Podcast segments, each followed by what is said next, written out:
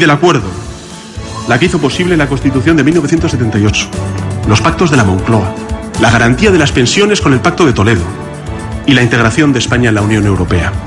La buena política, la política del diálogo entre demócratas que llevó al fin a ETA. I encara un apunt més, Corea del Nord assegura estar preparat per anar a la guerra amb els Estats Units. És el dur missatge que ha llançat avui el líder comunista Kim Jong-un en la celebració del 70è aniversari de la fundació del Partit Únic. 제국주의 강도적인 제재와 공세도 강행 les nostres forces armades i el poble nord-coreà estan preparats per trencar el bloqueig imperialista, les sancions i l'aïllament, i estan generant pànic i ansietat als nostres enemics. Estem preparats per lluitar en qualsevol tipus de guerra provocada per l'imperialisme dels Estats Units. Ara mateix tenim 20 graus a Palma, 21 a Vila, Eivissa i 16 a Mahó. I d'així arribam a les 10 i 5 minuts. Les notícies tornaran demà, serà ja a les 8 del matí amb el primer butlletí de la jornada. L'actualitat més pròxima, cada hora a IB3 Ràdio.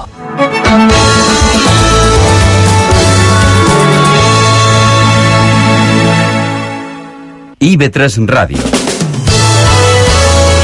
La ràdio autonòmica de les Illes Balears.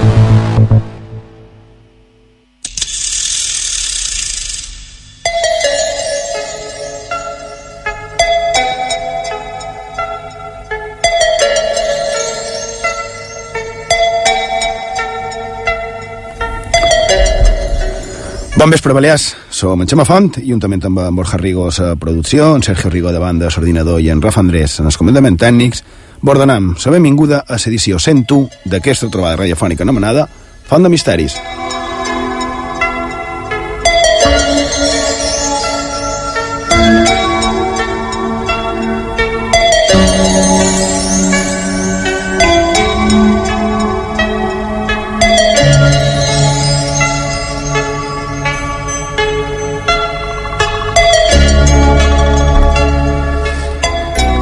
I de, eh, primer de tot, evidentment, agrair tots els missatges que ens heu fet arribar, ja sigui a mitjan Facebook, a WhatsApp, eh, personalment també.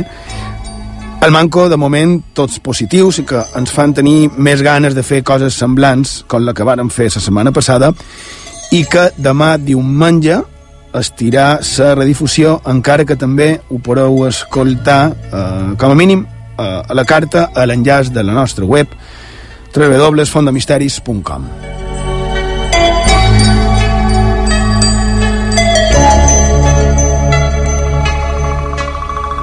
Faig referència, evidentment, en el programa especial número 100 de Font de Misteris, on vàrem fer, pensant que per primera vegada, una versió en la nostra llengua d'una història que de la ciència-ficció va passar precisament això, a la història, no? la guerra del mons. I avui volem parlar d'un tema, podríem dir, com a semblant. No? La possibilitat de que hi hagi o no interactuació amb alienígenes eh? que vendrien, tal vegada, de llunyans indrets a visitar-nos i, segons certes persones, ja serien entre nosaltres, no? Estarien, com dir-ho, com infiltrats.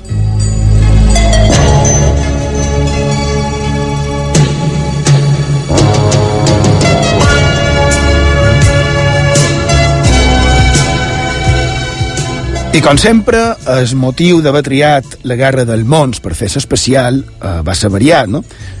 Però es dona la circumstància que no són Wells, aquell jovenot que quan des del Teatre Mercury de l'Aire a Nova York va emetre la Guerra del Mons, tenia l'edat que a dia d'avui té en Sergio, I de, aquell home també va estar vinculat a les nostres illes i amb un parell d'ocasions també. I a més, aquestes vegades que va estar relacionat amb les nostres illes també va ser encara relacionades amb el misteri.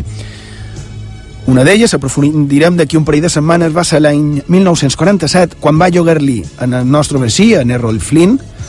Sí, Nerol Flynn va viure aquí, també un altre dia parlarem d'això, i de li va llogar el seu vaixell, a Northern Wales, un vaixell rodejat de misteri, anomenat Zaka, i li va llogar per poder rodar la pel·lícula La senyora o la dama de Shanghai, de Lady from Shanghai, 1947, en Rita Hayworth, que era la seva dona de Northern Wales. I l'altra ocasió rellevant també va ser quan va venir a Eivissa a fer un, diguem, documental F for Fake, eh?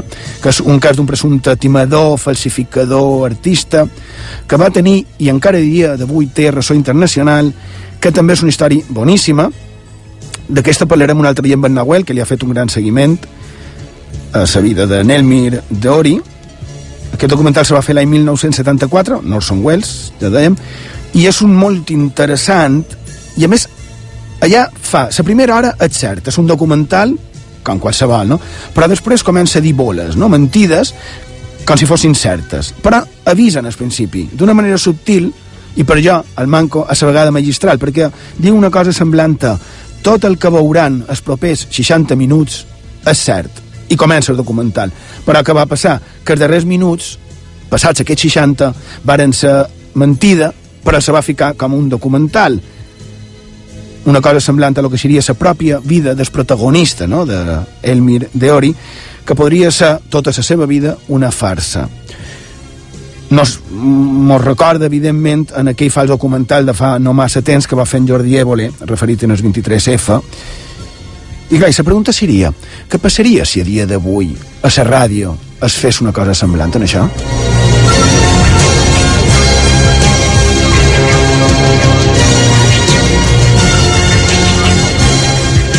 I a part d'això que hem comentat, també van triar Orson Welles perquè es dona la circumstància que enguany és el centenari del seu naixement. I, a més, avui, just, es compleixen 30 anys de la seva mort. Vagi, de aquest programa d'avui com a homenatge i com a mostra d'admiració per part de l'equip de Font de Misteris i també admiració i també respecte, lògicament, a Orson Welles. I ja de pas, ja que estem parlant de centenaris, eh, passat demà es compleixen els 100 anys de sa mort d'un altre d'aquests que també consideram magistral i admirat per l'equip, que és l'arxiduc Lluís Salvador d'Àustria.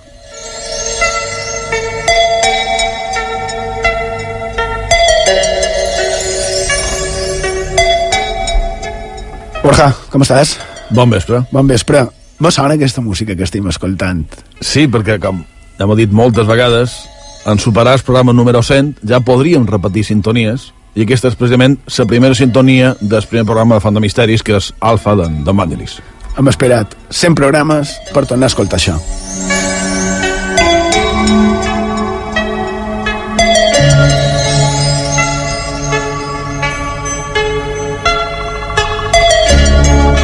Com tu recordaves la setmana passada, han estat prop de 600 sintonies sense repetir-ne ni una sola.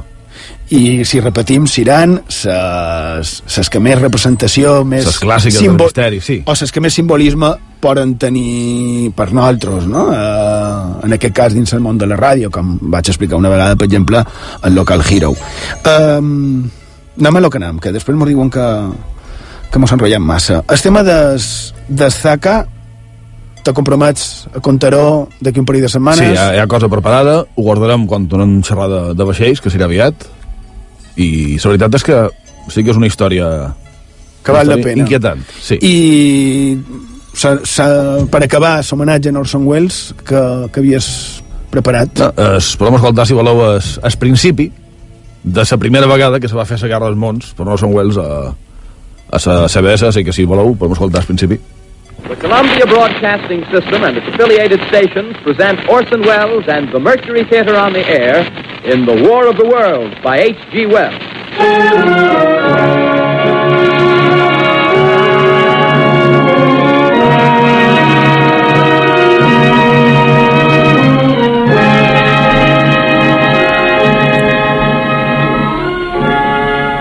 I de el començament és exactament igual, però amb més qualitat de so i tal vegada amb menys qualitat de, de representació, no t'ho vull eh, posar Això- en això qüestió. No se pot negar. Uh, efectivament. No en eh, ningú, tampoc. eh, Exactament, mm, però és exactament igual a com va començar la nostra, la nostra guerra del mons particular.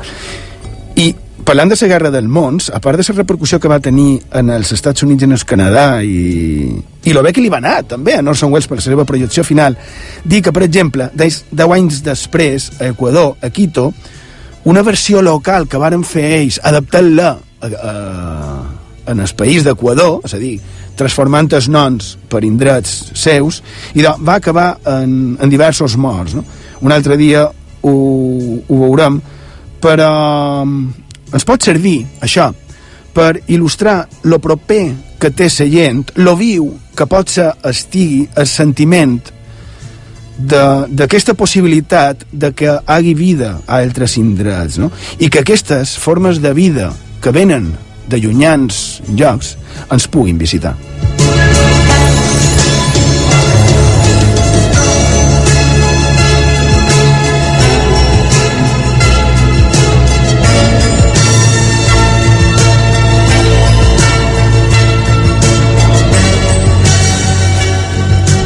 Així que, si vos sembla, començam amb el sumari i amb el programa i ja després entrarem en tot l'altre que volem comentar, que per això tenim la secció de món diversos, no, Sergio? Com estàs? Tot bé? Bon, més Gemma. Crec que estic viu. Enca encara sí, no? Xerra una mica sí. Sol passar, dos, dos o tres pics a l'any me sol passar. Sí, ja tenc la gargamella, també. Ja deman disculpes per aquesta... Sí, jo no ho he dit per una mica. Ja, però no, no quedaré tot sol. Sí, per quedar, sí. Bé, i d'avui a Font de Misteri xerrarem d'infiltrats o de suporats infiltrats que ens acompanyarien a les nostres voltants. També a la secció Món Diversos xerrarem amb la historiadora Catalina Mas, de la nova exposició que s'ha obert al Museu Diocesà de Palma i que se titula El viatge de Ramon Llull.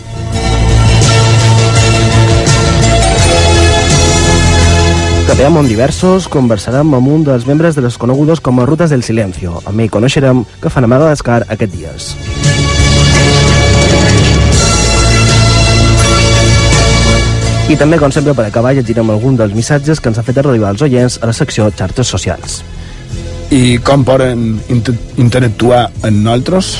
I ja sabeu, ens podeu fer arribar els vostres comentaris i les vostres preguntes al Facebook del programa cercant Font de Misteris i al Twitter cercant arroba Font de Misteris. En aquestes dues xarxes socials podeu emprar l'etiqueta Font de Misteris i B3. També es podeu enviar les vostres fotografies al compte d'Instagram del programa Font de Misteris i B3 o al WhatsApp 659 16 69 52. Ho repetim, 659 16 69 52. Avui, cert, fem una, so, una qüestió que diu així, heu tingut mai cap avistament que penseu de la possibilitat d'altres civilitzacions provenents de l'espai i que ens visitin? Com sempre més tard, Xema, llegirem aquests missatges.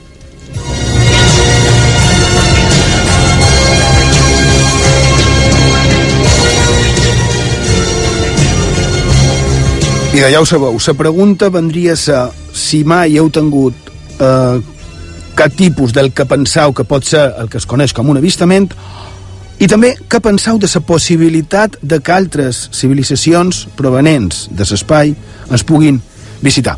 Fem una petita pausa i tot d'una continuem aquí, a Font de Misteri, a Ràdio.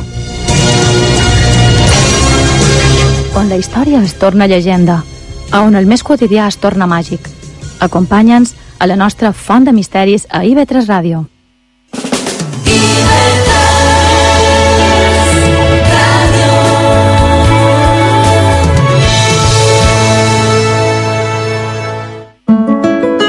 Ha un desert on l'exclusió social és un sol abraçador, on la discapacitat física o psíquica són dunes traïdores, on una tormenta d'arena cega la vista de migrants a la recerca d'una vida millor. Però en aquest desert nosaltres sabem trobar-hi flors, flors en el desert. I aquest estiu no ens perdeu la pista. Mos escoltareu cada diumenge de les 9 a les 11 del matí. Flors en el desert, amb David Oliver, a IB3 Ràdio, diumenge a les 9 del matí.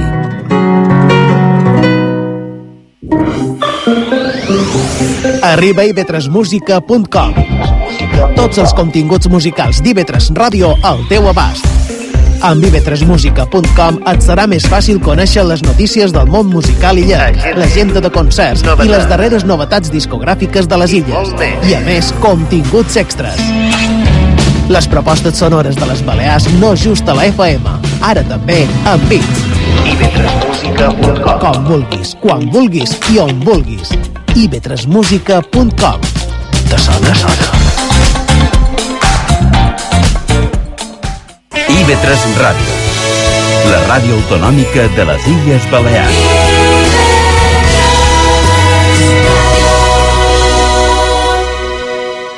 A IB3 Ràdio, Font de Misteris.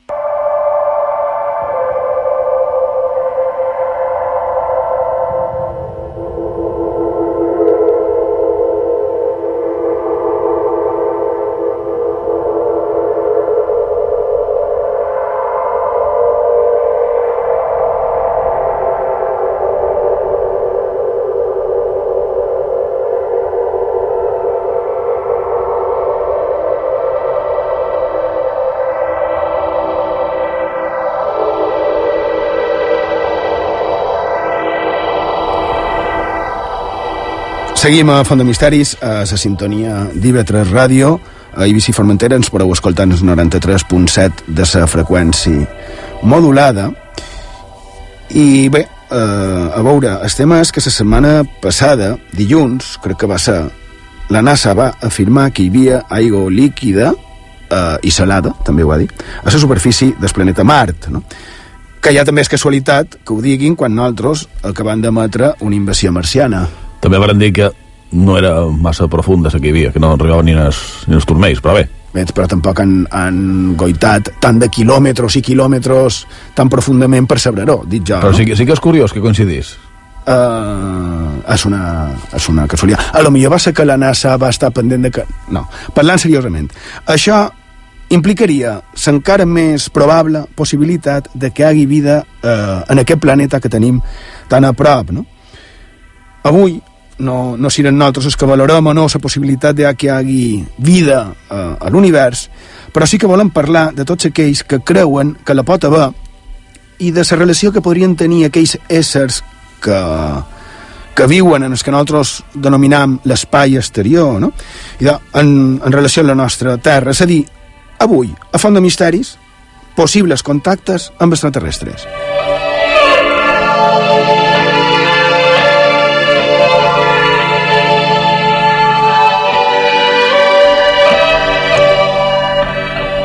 Títol massa directe, podria ser, massa ample també, però ja va ser ben hora que el toquem en aquest tema, més que res perquè després de 100 programes gairebé no ho hem, no ho hem tocat i podem garantir que, que també aquestes històries formen part de la nostra terra, no? Tal vegada de, de la història més actual, però sí de, de la nostra terra i de com ens poden veure a altres indrets. Encara que això sembli un poquet estrany, ho dic perquè la repercussió d'aquests temes arriba en fora, no? I també el que pensa gent que viu aquí. I fins i tot eh, estranys casos viscuts a les nostres illes i per mm, illencs, no?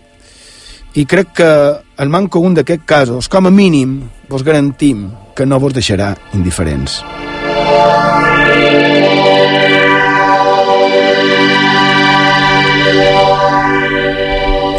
Hi ha qui afirma, i que a més té claríssim, que els, els extraterrestres no tan sols ens visiten, sinó que a més ja són entre, entre nosaltres, no viuen entre, entre nosaltres, com si el vostre veïnat del pis de devora, tan normalet ell, fos un ésser vengut d'un altre planeta. No?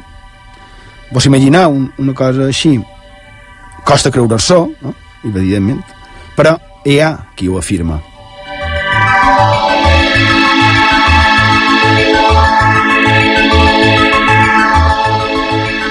Ja dit, i a més, com sempre, nosaltres no posarem ni llevarem res. Es posarem les dades que hem aconseguides i cadascú que tregui les conclusions que trobi cada, cada treure.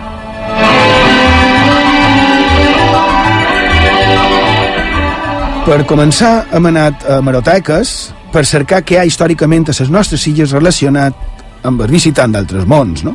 En les possibles naus extraterrestres que ens visitarien i que segons certes teories també ens controlen, els coneguts com a ovnis. I és increïble la quantitat de ressenyes que hem trobades, no?, uh, a la premsa local, aquí, a les Illes Balears.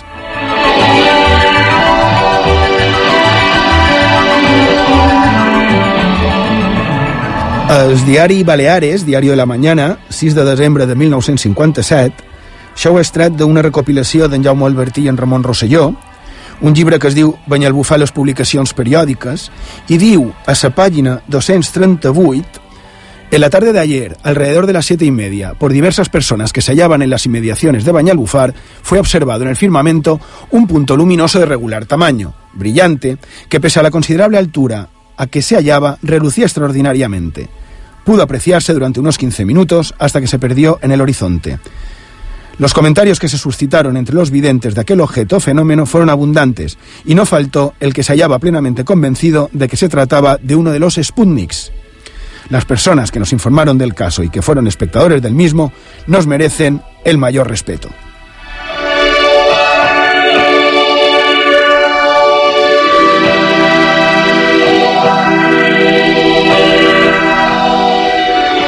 Any 1957, Diario Baleares. Estem parlant de eh, la meitat, més o manco del franquisme, no? Parlen dels espugnis. Els espúgnics, això és pels més joves, eren aquells satèl·lits artificials enviats a, a l'espai pels russos, bé, pels soviètics, dins aquella carrera espacial, i és cert que a octubre i novembre d'aquell any 1957 enviaren dos espúgnics a l'espai. I també és cert que la població i, i el govern dels Estats Units anava una mica calenteta, no? Així que ells, els americans, el mateix dia 6 de desembre tracten d'enviar a l'espai una càpsula, també, denominada Vanguard, eh? a veure si va ser això que varen veure aquell dia a Banyalbufar.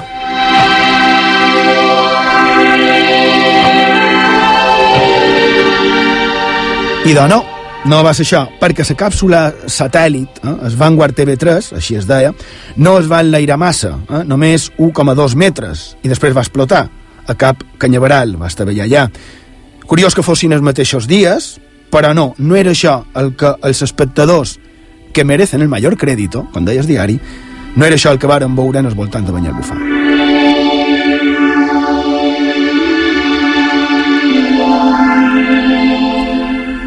Així que la pregunta, en aquest cas, seria què era el que varen veure aquells testimonis que mereixien tota la confiança del redactor del diari Baleares? I clar, aquí podríem entrar dins aquesta polèmica.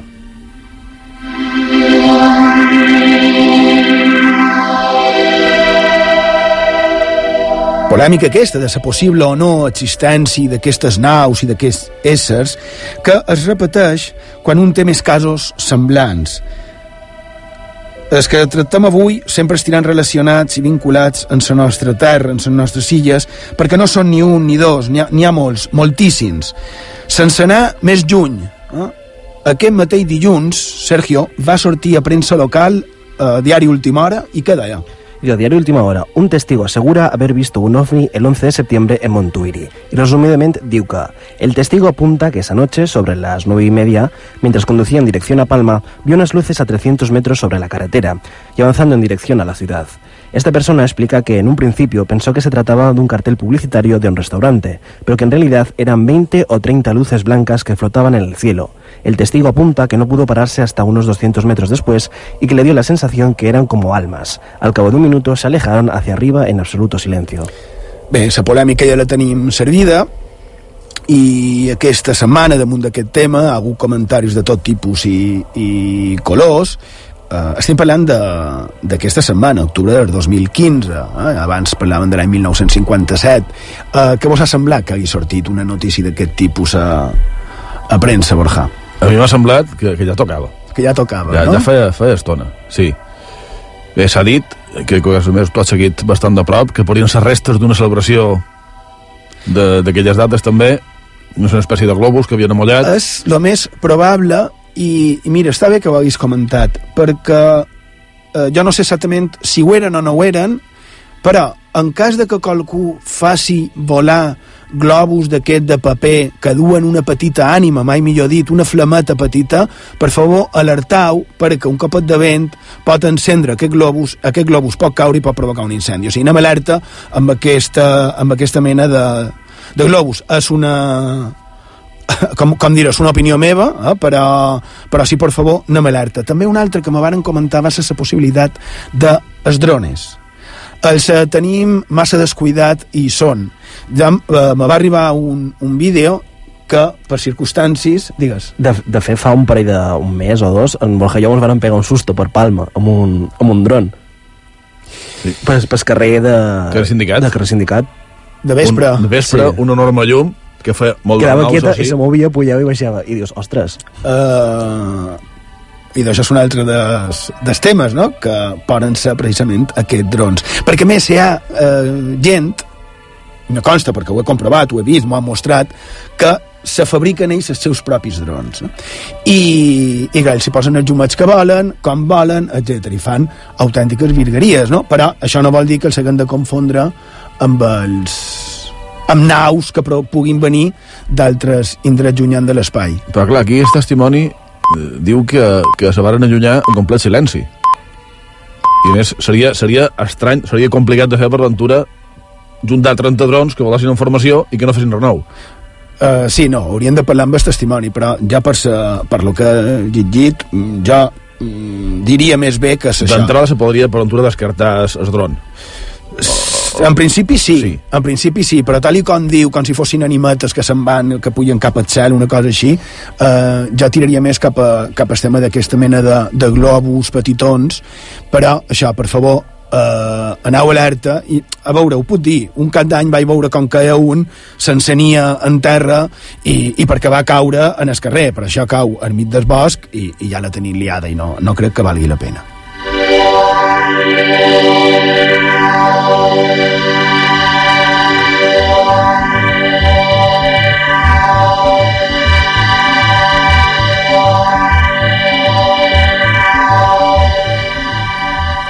Independentment d'aquest cas, que qualsevol pot opinar lògicament el, el que vulgui, també la setmana passada va sortir una altra notícia relacionada amb això, Borja, tu que la senyoraves. I en aquest cas, a Menorca, Uh, què deia aquesta, Sergio, de Menorca? Y en aquel caso era la prensa menorquina, el diario Menorca, y podían decir el avistamiento de origen desconocido ocurrido el 11 de noviembre de 1979 y conocido popularmente como el caso Manises es probablemente el fenómeno ovni más famoso en España. Dos décadas después, la historia vuelve a ser noticia y en este caso con una conexión menorquina.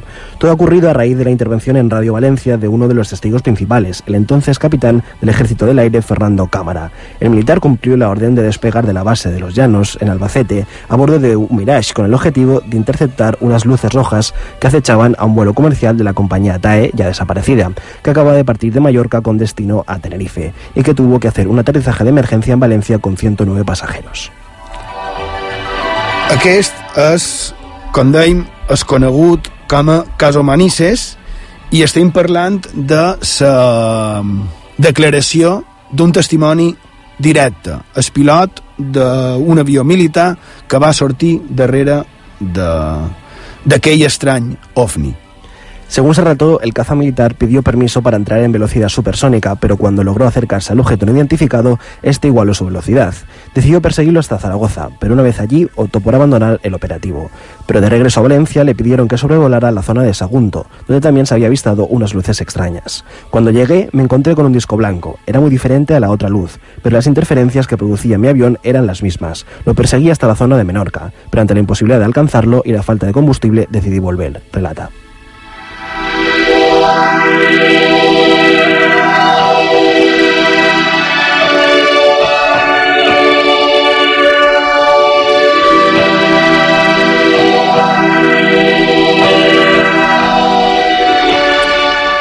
No oblidem que el cas Manises se diu així perquè l'aterratge d'emergència el va realitzar a l'aeroport de, de València, l'aeroport de Manises, però aquest vol sortia de l'aeroport de Sant Sant Joan i eh, el fenomen estrany li va succeir més o manco, diuen que a la vertical de, del Vedrà, a Eivissa.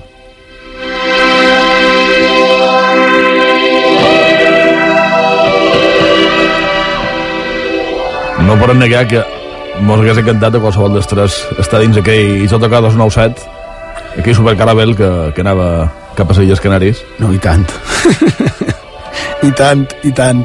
Uh, després contarem una, una altra que també mos hagués agradat estar.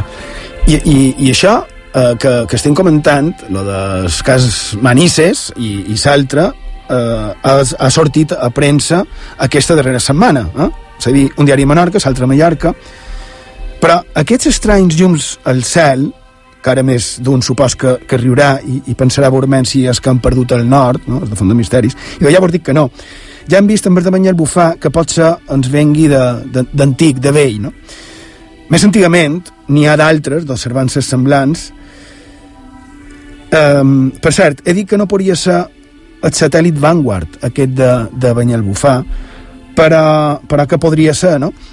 I de, una de les possibilitats seria lo típic, no? I així ho va dir la, la CIA, eh?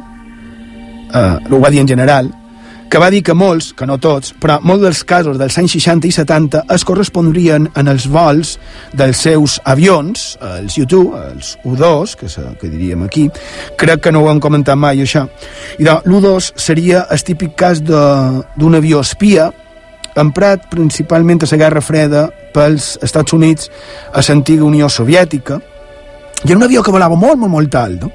I, i que se pensaven o tractaven que fos indetectable, que aquí dic jo, eh?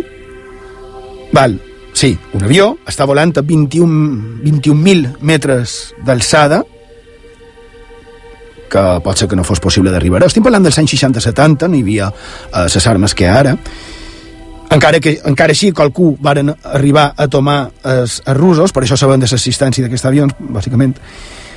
El radar, en teoria, en aquestes altures no el veia, i, i el que jo deia, si és així, per què la gent veia llums? Vols dir que un avió espia que està sobrevolant espai aeri enemic sense autorització i que es dedica a, a fer fotos i, i espiar, per tant, tracta de passar desapercebut, duria llumats en sesors? Més que res, perquè, a més, a 21.000 metres d'alçada, crec que no fan falta llums per veure absolutament res. I dit jo que tampoc li interessaria que el vessin. No ho sé, és una opinió.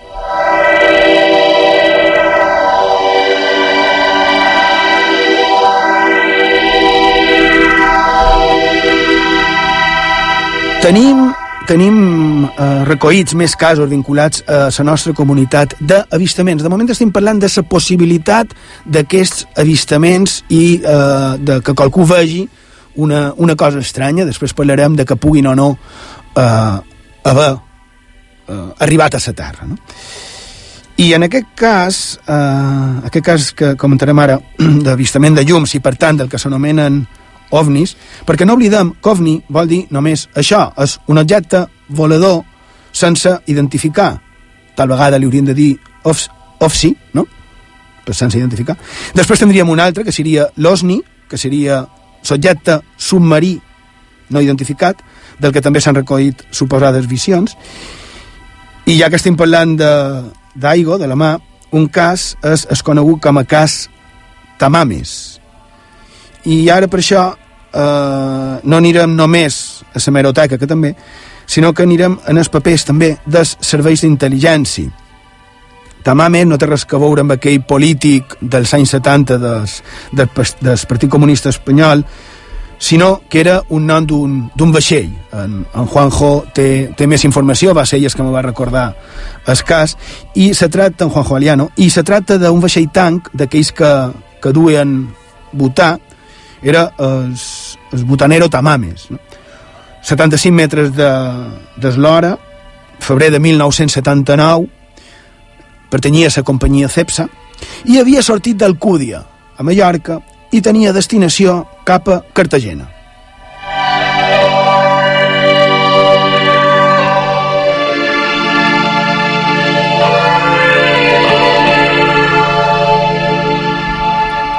I segons dades oficials, amb un vent suau, cel sense nígols i bona visibilitat, a d'haver 15 milles marines a l'est de Formentera, a les 21 i 17 minuts, així consta en el llibre de Bitàcora, que és una mena de diari oficial del que passa a bord, i en aquell moment el vigia, que controla que no hi hagi res de nou en el voltant dels, del vaixell, i avisen el capità, que era en José Luis González Rodríguez, que estava veient uns llums cap a Bobó, és a dir, cap per mig de la mà, diguéssim, no? No obliden que anaven cap a Cartagena. I varen pensar que podria ser llums demanant auxili i cap allà que varen anar. El radar no detectava res, però ells ho veien. Fins que poc després d'un quart d'hora s'apaguen aquests llums que ells veien, però surten uns eh, que se denominen uns secos en el radar, semblant a lo que és una balissa de navegació. Ningú es posa en contacte amb ells per ràdio, però ells segueixen anant cap allà, allunyant-se en principi de Cartagena i també de Formentera. A les 23.50, les 12 menys 10 del vespre, s'apaga tot i es troba més o manco, per entendre Hermosa, d'haver 25 quilòmetres de Formentera cap a l'est. A la una menys quart del matí, gairebé una hora després, tornen a veure quantitat d'ecos i semblava, segons deien, com si revoltassin a prop de dos llums, dos ecos més grossos, no? que es mouen a la mateixa direcció que els tamames, el vaixell. Tornen a desaparèixer i al poc tornen a aparèixer per popa, per babó o per, o per estribó, alternant-se i a distàncies variables. En aquell moment no veien els junts, només mitjans el radar, i fins a les 3 de la matinada, que després d'haver-se anat allunyant i afluixant la intensitat, varen desaparèixer. Ells ja eren en el sud de Formentera, a d'haver 40 quilòmetres de la petita de les Pitiuses. De l'est, varen anar cap al sud, direcció Cartagena. Fins aquí el que ells varen recollir en el seu diari de bord. Eh? Anem a veure què deia la premsa de l'època, any 1979, any, tot sigui dit de pas, de gran activitats en fenòmens d'aquest tipus, hm? I per exemple deia que van ser rodejats per més de 50 ovnis, ho deia així, i també deien que havia hagut unes maniobres militars, també deia que eren llums que s'atracaven i s'allunyaven i que feia eh, poc a un altre vaixell, un altre vaixell estranger, havia també reportat la visió d'un ovni per, per, per aquells revoltants. Així ho diu textualment. Al final, el diari ABC, en aquest cas, a la seva edició del 10 de febrer de 1979, diu que los ovnis de Múrcia, així el se va anomenar, eren paracaidistes con linternes, que més estaven gravant un programa per, per Ràdio Nacional, eh? per programa Testigo Directe. Testigo Directo era el nom del programa.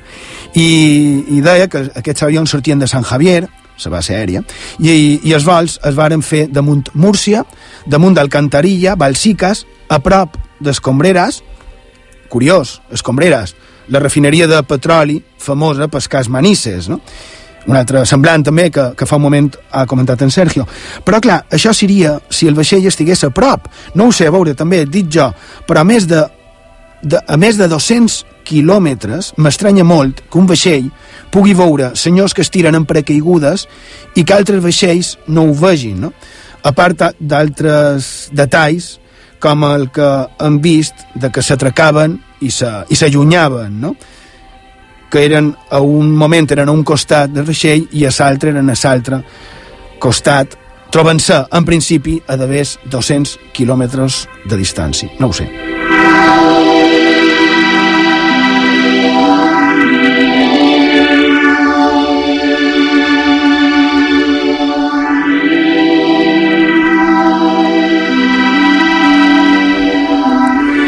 Ja mai supos que et sabrà que va ser allò que vàrem veure, però el que sí és segur és que l'any 1995 el cap d'estar major de l'exèrcit de l'aire va autoritzar la seva des desclassificació. 16 anys després dels fets, perquè, clar, a veure, la secció d'intel·ligència de l'estat major del Mando Operativo Aéreo ho va classificar com a secret baix el títol de avistamiento de fenómenos extraños. I ara, aquí, cadascú digui o pensi el que trobi. Perquè si aquesta història, història real i documentada, independentment del que hagi provocat aquests ecos en el radar i aquestes visions, del que puguin ser aquests llums o estranys punts, no? Però, mm, per què no va dir directament l'exèrcit de Saire sí, miri, eren els nostres homes i ja està, no? sense res més sinó que ho varen classificar com a secret. I això és el que eh, ens crida l'atenció. Però encara hi ha altres històries més sorprenents. A IB3 Ràdio, Font de Misteris. IB3 Ràdio, la ràdio autonòmica de les Illes Balears. IB3 Ràdio és informació. De dilluns a divendres, a les 7, tot just en començar la jornada, t'explicam tot el que és notícia a l'informatiu matí. A les dues, a l'informatiu migdia, fem un primer recull del que ha passat durant el matí i apuntam què pot passar durant el cap vespre. I a les 8, a l'informatiu del vespre, els serveis informatius d'IV3 Ràdio resumeixen i analitzen la història del dia que és a punt d'acabar. IB3 Ràdio. És informació. És actualitat. És esport. A IB3 Ràdio, els matins són per a tu. Perquè t'informis, per escoltar els protagonistes de l'actualitat, perquè reflexionis, perquè t'agrada sentir el dia a dia. Escolta el Faristol d'IV3 Ràdio amb Àngela Seguí, de dilluns a divendres a les 8 del matí.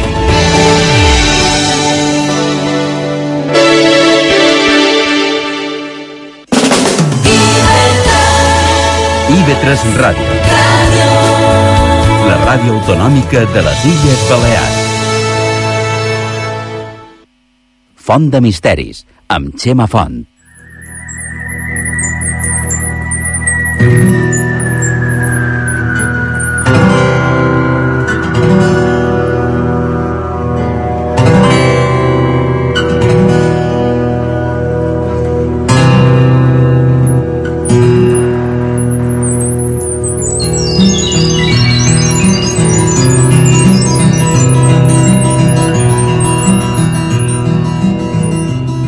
Seguim a Font de Misteris, a IB3 Ràdio, a Menorca, mos podeu escoltar en el 88.6 de la freqüència modulada.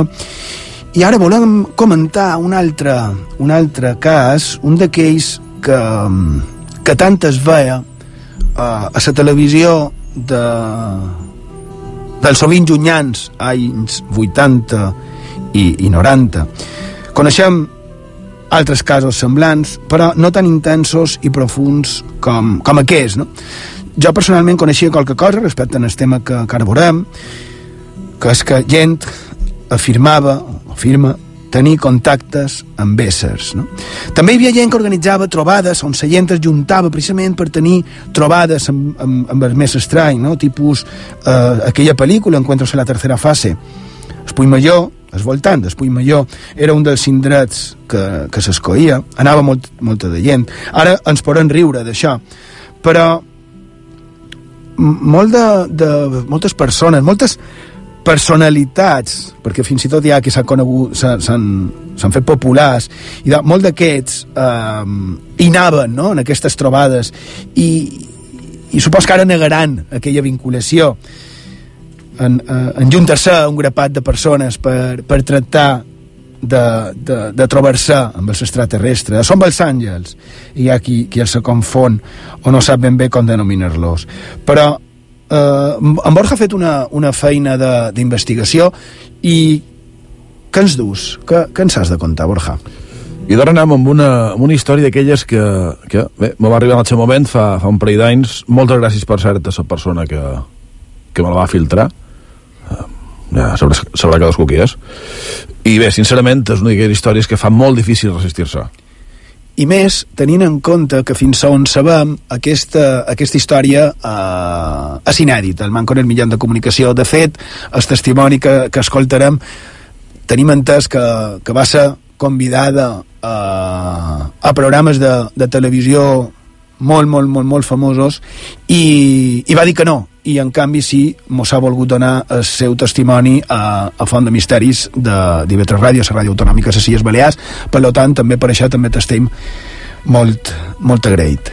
Borja. Bé, han xerrat d'ovnis, de contactes, altres programes eh, mentals o telepàtics amb, amb entitats suposadament extraterrestres, però queda el tema, el tema gran, el tema gros, podríem dir.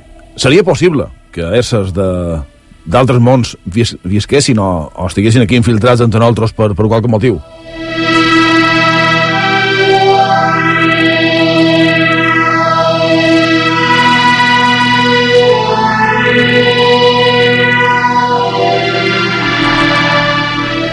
Anem a recordar, si voleu, eh, la història d'un ésser, d'una dona coneguda amb dos noms, tant Maria de Orion com Brisa Marina. Però no ho farem directament nosaltres, sinó que eh, recordarem aquest personatge en veu de, precisament, la persona que més a prop va estar d'ella durant aproximadament 6 anys. És una dona mallorquina, de Palma, amb estudis, en carrera, i que fa feina dins el món de sa, de sa salut.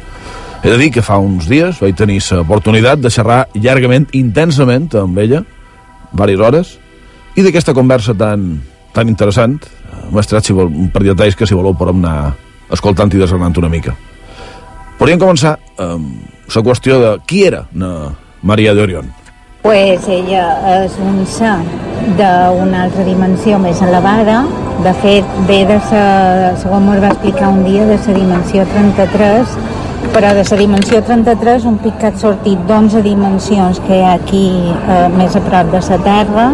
Després hi ha una altra, una altra franja que ara no me'n record i després 33, o sigui que és un ser molt elevat que ja ha passat, ell ha passat per un planeta evolucionat deia que en aquest costat de l'infinit hi ha set superuniversos, cada univers, cada superunivers té 100.000 universos i cada univers té dos bilions de planetes, habitats i sense habitar. I a cada univers hi ha 609 planetes que els hi diu evolucionaris, o sigui que són els primers calor de l'evolució. I nosaltres hem vengut diguem, des, de, des del concepte de sunitat, del todo, que diuen totes les corrents filosòfiques i religioses de, des de l'antiguitat, no? que formen part d'aquest tot, i nosaltres hem vengut com una xispeta de llum a començar l'evolució des d'aquests primers calors, com si estàssim en el kindergarten, i anar evolucionant, i anar pujant, i fer la volta per tots els set superuniversos fins que tornem en aquest centre de la creació com un gran sol. M'ha sorprès Bé, m'ha sorprès, m'ha sorprèn tot. També eh, m'ho sorprèn eh, a tot tres la semblança que hi ha amb altres casos mm, com el, el del llibre d'Uràntia, com Genom, eh, però eh, això qualque dia ja, ja ho comentarem. També, quan s'ha referit en el kindergarten, no? demostra un poquet, ja, ja m'enteneu.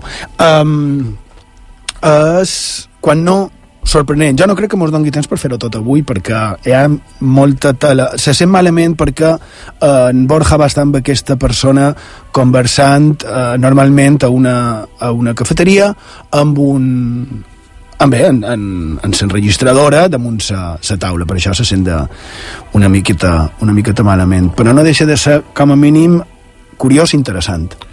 Bé, ara podríem comentar, per ventura, eh, ja que he xerrat de, de la Terra, de, dels puestos que ocupes aquesta escala planetària, eh, precisament que seria que ocupa, quin puesto, quin lloc ocuparia la Terra dins aquesta espècie d'ordre còsmic?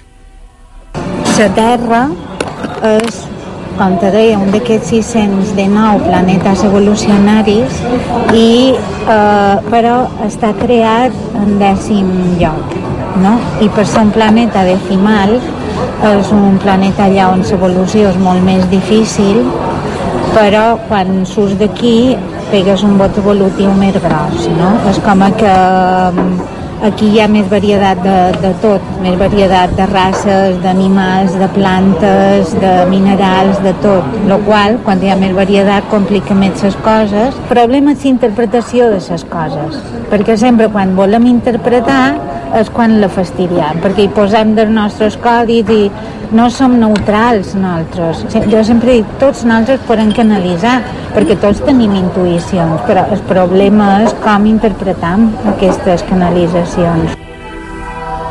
Una altra qüestió podria ser eh, per què vendrien, segons aquesta història, els éssers en el, en el nostre planeta?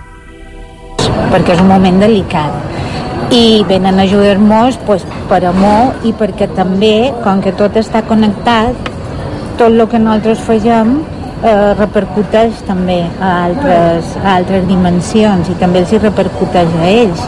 No sé exactament de quina manera, però tot està relacionat, no? I per això ella va venir no és que fos única, perquè també hi ha hagut molt de ses que han vengut a ajudar-nos Podríem anar ara, si voleu, eh, en la pregunta que supos que el qui m'escolta tenga, tindrà curiositat.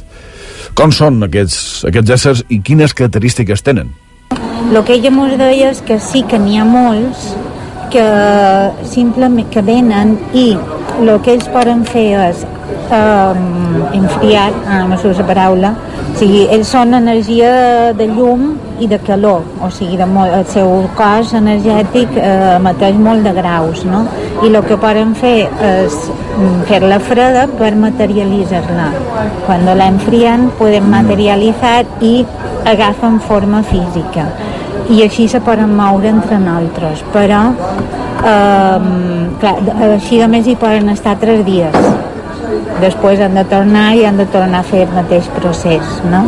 I, i així pues, eh, venen en totes les seves capacitats despertes poden fer de tot de tot, bé, no sé saps? O sigui, que es poden saber el que penses, te poden enviar missatges telepàtics, poden... Si han de venir per més temps, i també s'han d'integrar en nosaltres per entendre com funcionam també han d'agafar un cos que això és diferent no, no és refredar la seva energia sinó que és, és un procés que també és molt delicat però que també està tot pactat no? perquè també hi ha gent que quan comptes això s'assusten i diuen ah, això és una possessió no, per a nada perquè no, no s'ha fet res i no fan res perquè és energia d'amor són ses de llum i ses d'amor i mai faran res que perjudiquin a ningú. Ara, aquí jo volia fer un, un petit incís. Sigui el que sigui del que ens està parlant eh, aquesta persona, que més hi, havia, hi ha més testimonis, perquè eh, en Borja també s'ha relacionat amb més gent que estava implicada en aquest cas que, que podríem anomenar Maria de Orion, eh, sigui el que sigui, el que m'agrada és que el missatge que transmeteix és positiu. Com a mínim, això ja me sembla bé, perquè és un missatge positiu, independentment de tot l'altre. I aquí, eh, jo el que, lo que me vaig demanar és com aquesta persona, aquest testimoni que se, que se nota per sa veu, etc que és una, una persona eh, cultivada, a part de que eh, té estudis superiors, etc com li va arribar aquesta aquesta història, no? I, i com, com va ser tot això? I també mos va, mos va respondre. Tenia una sensació aquí en espit, saps? De que cercava algo i no trobava què era. I era com una inquietud que, que, que me plantejava coses de sa vida des de que tenia ús de rodes de petita, que deia això, aquí hi ha alguna més, no? Però no arribava a trobar que clar, jo ho cercava dins la psicologia, feia moltes coses d'energia, de cos, de massatges, bonament, perquè era algo no mental, sinó algo més energètic que jo sentia, no? I un moment donat que entre cometes havia acabat el procés terapèutic, dic entre cometes perquè el camí de l'autoconeixement no acaba mai i això.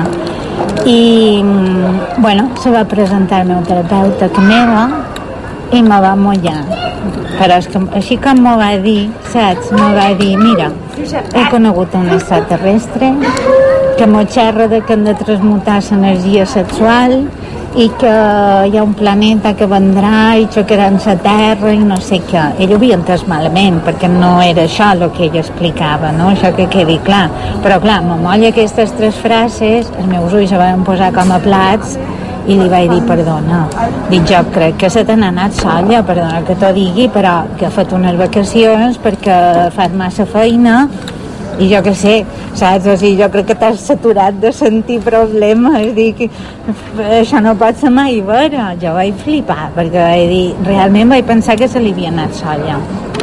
I li vaig dir que jo no, no m'interessava el tema, perquè sí, és que l'has de conèixer, perquè tu l'has de conèixer, que no sé què, que tal. I vaig dir, mira, no m'interessa, a mi aquestes històries no m'interessen. O sigui, jo mai m'havia plantejat, el meu germà sempre havia estat cercant ovnis i tal, o sigui, tenia interès, però jo no, era una cosa que, que m'apareixia natural que hi hagués els altres planetes, però mai havia tingut cap impuls de cercar res en, en aquest nivell. Ho tenia clar que era així, però no m'interessava. Això era l'any 80, final del 88-89 és certament interessant com com diu, allò de que, de d'entrada no, no creu res perquè evidentment però és una cosa que és, que és un, una barbaritat, una invenció, qualsevol cosa semblant. Però, com va ser el moment de conèixer Anna, Anna Maria? Bueno, la qüestió és que a partir d'aquell moment era, si tu creus en les senyals de l'univers i les senyals que te dona el món, era impressionant quan tot en el meu alrededor xerrava d'aquestes coses, però en el punt de que jo obria la tele xerraven d'això, de, de, de, d'altres dimensions, d'altres planetes, de l'extinció de los dinosaurios, passava per la llibreria i havia la revista Conocer de que quan se extinguieron los dinosaurios, no sé què, la vaig comprar per cert, me, me vaig seure en el bar Bosch i a la taula de vora xerraven de tot això. Jo deia, Déu meu, què passa? El món s'està tornant loca o jo m'estic tornant loca o, o el món s'hi torna, no? Però bueno, m'imagino que és el mateix que quan diuen quan tu estàs embarassada més veus embarassades. I quan vaig anar, quan ja havia començat a fer Reiki això, em vaig anar a València a una trobada de, de Reiki i també xerraven d'això, saps? I aquí vaig dir, m'entrava com una angoixa, una cosa de dir, bueno, l'hauré de conèixer, perquè és que no pot ser. I quan vaig tornar a Palma vaig cridar al meu terapeuta i li vaig dir, mira, vaig a conèixer-la, què passa? Perquè ja estic cansada, m'estic agobiant un poc amb això, no? I quan la vaig conèixer, la primera vegada va ser eh, a CAE, que vivia a establiments, era una reunió informal amb més gent, i per jo va ser molt, molt impactant, no? Se, els seus ulls, la seva mirada. Jo la mirava de la més escèptica, però era com a... Tenia, tenia uns ulls que és que no se poden descriure. Era com si poguessis entrar dins ells o com si els seus ulls entrassin dins tu. No me'l van dirigir cap paraula aquest dia, però jo vaig tornar a meva eh, amb un interrogant enorme, però no, no puc descriure la sensació, no? Era una sensació positiva, però en el mateix temps deia no sé què fer amb això. I ella me mirava i me, son, me sonreia, però no me deia res. Clar, eh, base al que hem anat escoltant, també o sigui, ja se pot demanar quin aspecte tenien a, a Maria. Era, entenem, un ésser, suposadament un ésser que venia d'un altre món, però era com nosaltres, eh, podria passar-se per sabuda completament, ara, si voleu, ho podem, ho podem sentir. Una persona normal, una persona normal sí tenia un moviments un poc estranys, saps? De vegades eh, quan se movia era un poc així, un poc automàtic.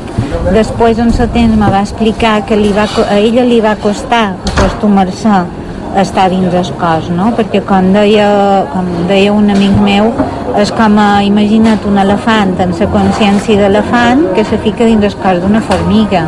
S'ha de sentir incòmode. 24, 25 anys només, saps? Era, era jove. Una altra, una altra pregunta seria com era precisament estar, estar a prop d'Anna de, Maria?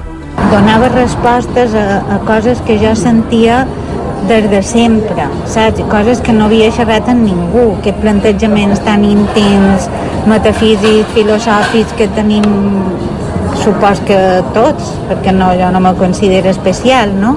Però que hi ha moltes persones que ens feim aquestes preguntes. I, i ell els me, els me responia, però tampoc és que els me respongués amb una frase, amb una paraula. Era la seva, la seva presència, saps? La seva energia que te donava, te donava pau, te donava tranquil·litat, te donava amor. Era com si, com si t'abraçat sense abraçar-te era algo impressionant estar de vora ella. No?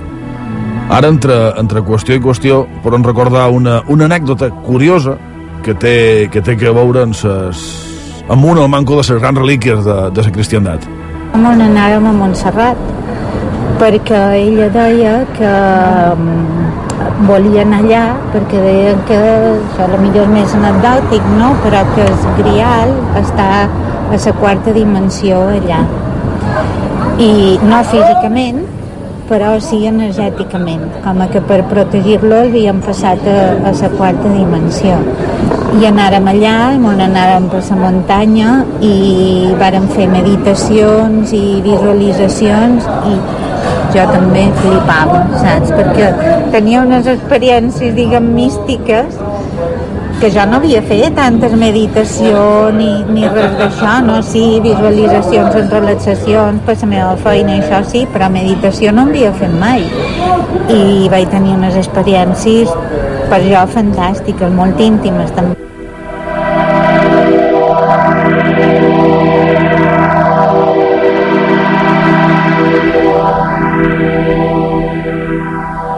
I com, com arriba na Maria, na, na brisa marina, en el nostre planeta? Ella concretament, supos que els altres era més o menys per escut el procés, però quan va ser el procés d'ella m'explicava que hi havia un...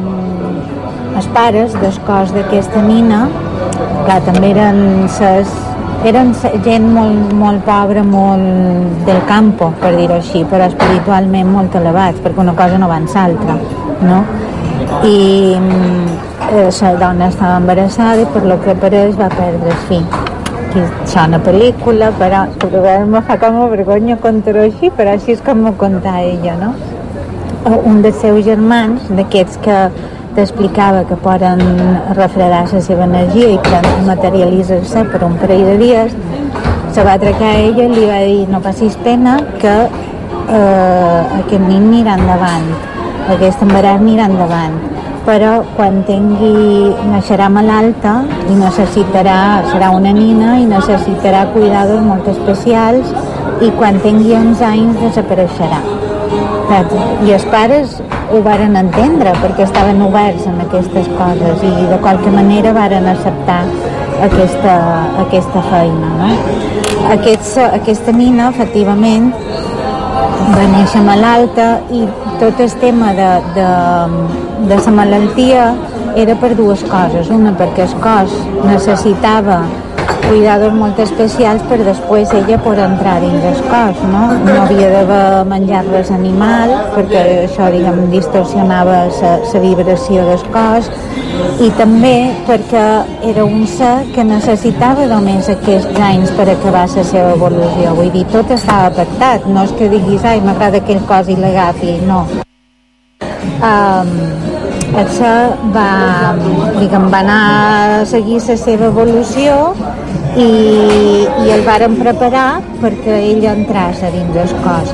Hi va, ser, hi va haver també una sèrie d'orgues, com era per exemple els ulls, que era de la seva energia, perquè clar, hi havia orgues d'aquesta nina que estaven malalts i de qualque manera, pues, amb l'energia d'ella, eh, és un poc complicat, no? però ho varen regenerar i a ella li varen demanar, segons me contava, que podia entrar o bé pel cap o bé pel cor, a dins d'aquest cos, no?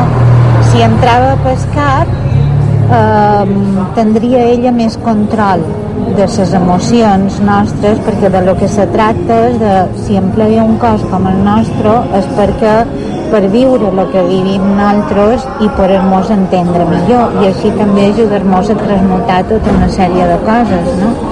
i el que més molt desbarata són les emocions en els humans. Llavors si ell entrava a pescar sentiria, estaria molt més a prop a sentir les emocions com nosaltres però igual no els podria controlar també vull dir que patiria com nosaltres si entrava a pescar no patiria però tampoc estaria tan, tan a prop. I ella va decidir entrar a pescar.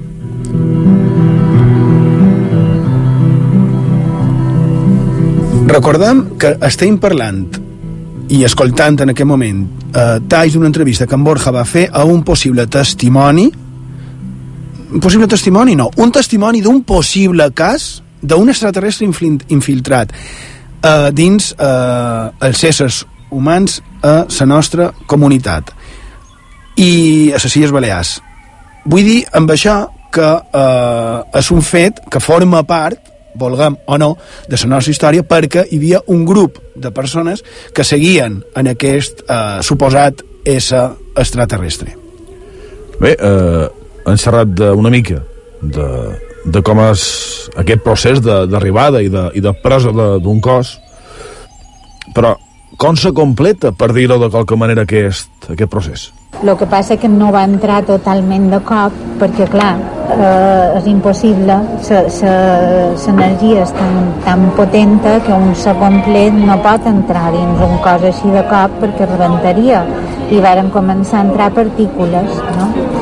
llavors aquí ve l'altra part també pel·liculera perquè eh, quan ja va estar preparat, no sé, el tema dels temps ho desconeix, perquè a més en altres dimensions el temps no existeix, és tot molt relatiu, no?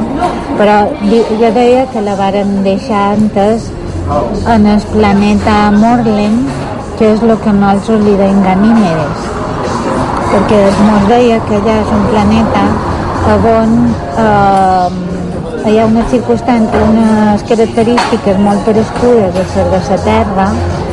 I hi ha alguns habitants de la Terra perquè eh, clar, dins, dins la Terra hi ha portes dimensionals, no? Aquestes portes dimensionals hi ha moments determinats que s'obrin.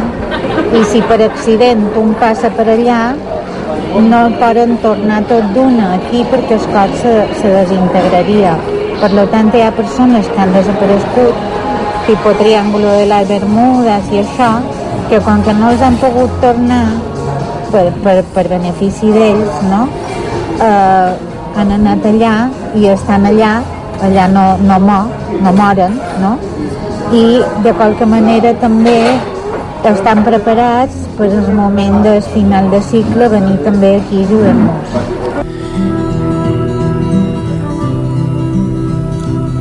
Part d'aquest testimoni en veu, oral, que, que estem posant, eh, també en, en Borja ha recuperat altra documentació. Eh? És a dir, nosaltres, com sempre, no mos inventant res. I damunt d'això que estava parlant, el nostre testimoni, eh, tenia en Borja per aquí damunt, i ho podries, jo crec que ho podries llegir en això, això d'aquí. Sí. Eh, referència precisament en aquest que sentíem, eh, lo de que hi ha una sèrie de, de com a portes o passos dimensionals, a Mallorca en tindríem el manco un, un ubicat dins les coves del drac. De fet, una eh, Maria Orion, o una de les múltiples xerrades que va fer, hi havia gent que transcrivia tot allò que deia, i no, vos llegiré si voleu un trosset d'aquest fragment relacionat amb les, amb les nostres coves. Diu, capto que hay pasos, puertas en la cuarta dimensión, y están cubiertas por las rocas. La naturaleza las protege. Son entradas en el plano físico como en el Triángulo de las Bermudas. Hay un trozo que está un poco cubierto, pegado a la roca. Si alguien se le ocurre abrazarse así, desaparece. Si alguien inconscientemente pisa una de las puertas, pasa a la cuarta dimensión y no puede regresar. Tiene que ir a Morlem, que le rescaten, y luego regresar cuando quiera. El agua tiene propiedades curativas y de apartar las energías negativas lentamente. Aquí se emite un tipo de radiación distinto a todo el resto del planeta, Aquí son mucho más fuertes. Hacen vibrar las glándulas de la cabeza y regular la circulación.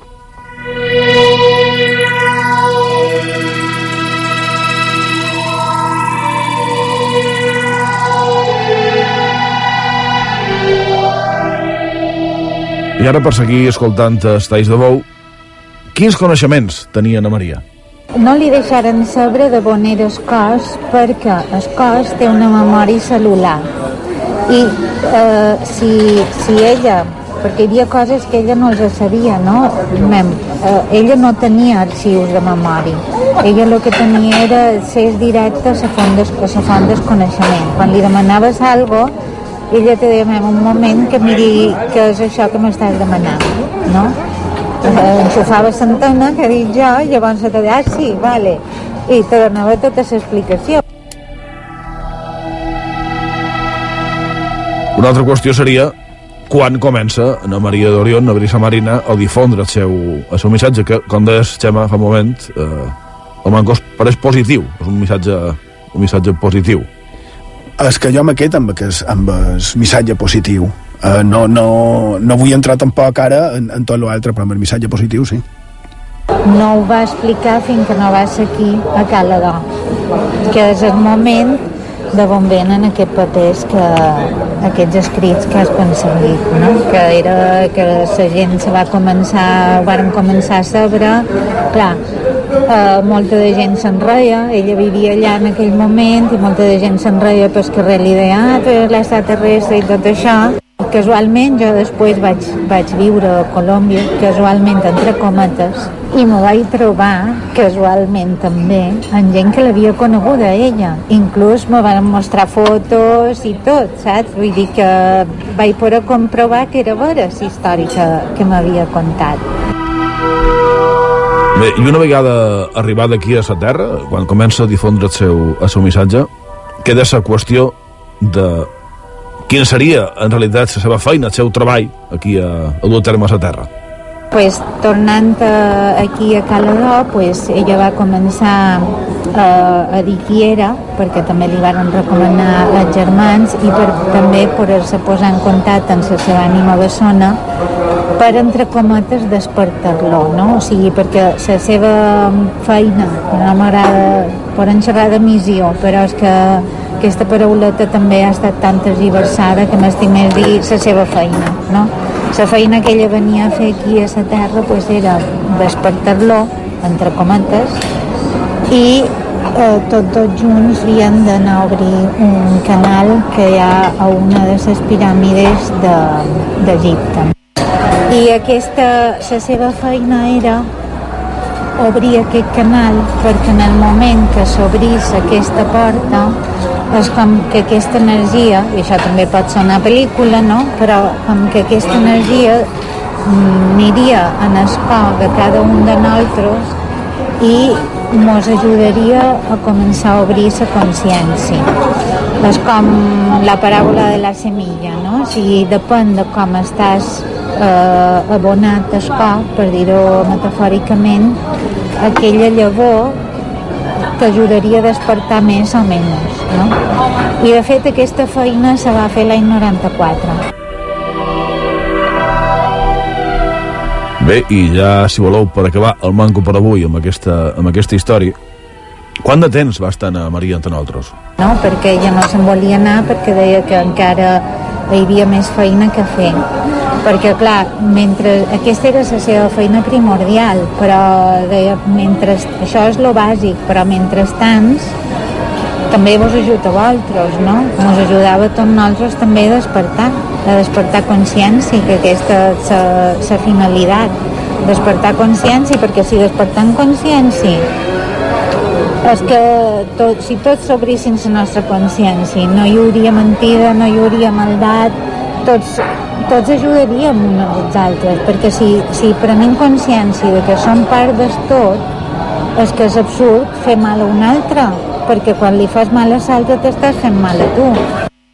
Va anar l'any 95 i ella tenia 12 anys per fer la seva feina, però ja duia un any i tres mesos de, de sobre.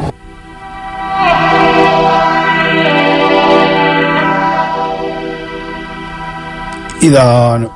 hem exposat les dades, mm, esperam els vostres comentaris per, per seguir o no amb aquest, amb aquest tema, que no oblidem que s'hauria produït eh, aquí, a, a, a la nostra terra, va començar ni més ni manco que a Caladó, i nosaltres, com sempre, ni posam ni llevam res. Hem exposat les dades, hi havia un bon grup de persones seguidores d'aquesta persona o, o aquest ésser anomenat Maria d'Orion que deia ser un extraterrestre i del que cadascú tregui les seves conclusions i no ho sé, ja ho veurem tal vegada en el futur això es pot convertir en una com dir-ho, no? com si fos el que ara per nosaltres són les rondalles i tal vegada en el futur això es convertesqui també eh, amb una rondalla. No ho sé, si vos sembla que pot ser interessant, seguirem perquè tenim molta més informació. Rafa, feim una petita pausa i tot una continuem aquí, a Font de Misteris, a IB3 Ràdio. A IB3 Ràdio, Font de Misteris, amb Xema Font. IB3 Ràdio, la ràdio autonòmica de les Illes Balears.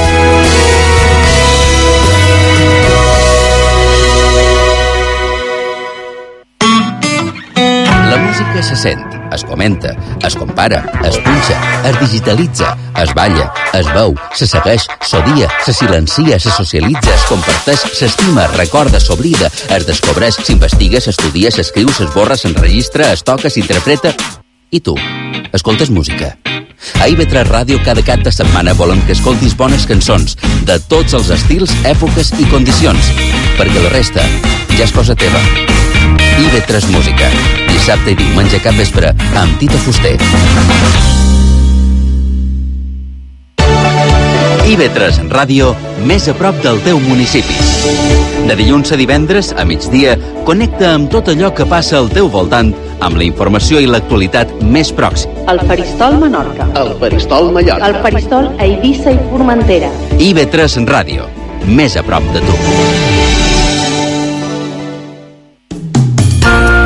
IB3 Ràdio et proposa conèixer tot allò que envolta i fa possible el món educatiu. Juan Riera Roca presenta Paideia, el programa centrat en la comunitat educativa de les Illes Balears. Paideia, diumenge a les 3 del cap vespre a IB3 Ràdio amb Juan Riera Roca.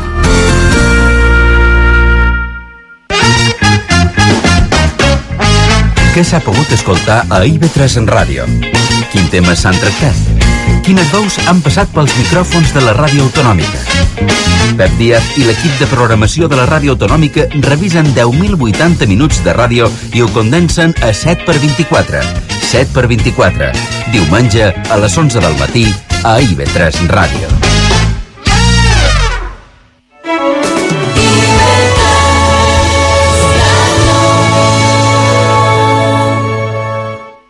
Font de Misteris, amb Xema Font.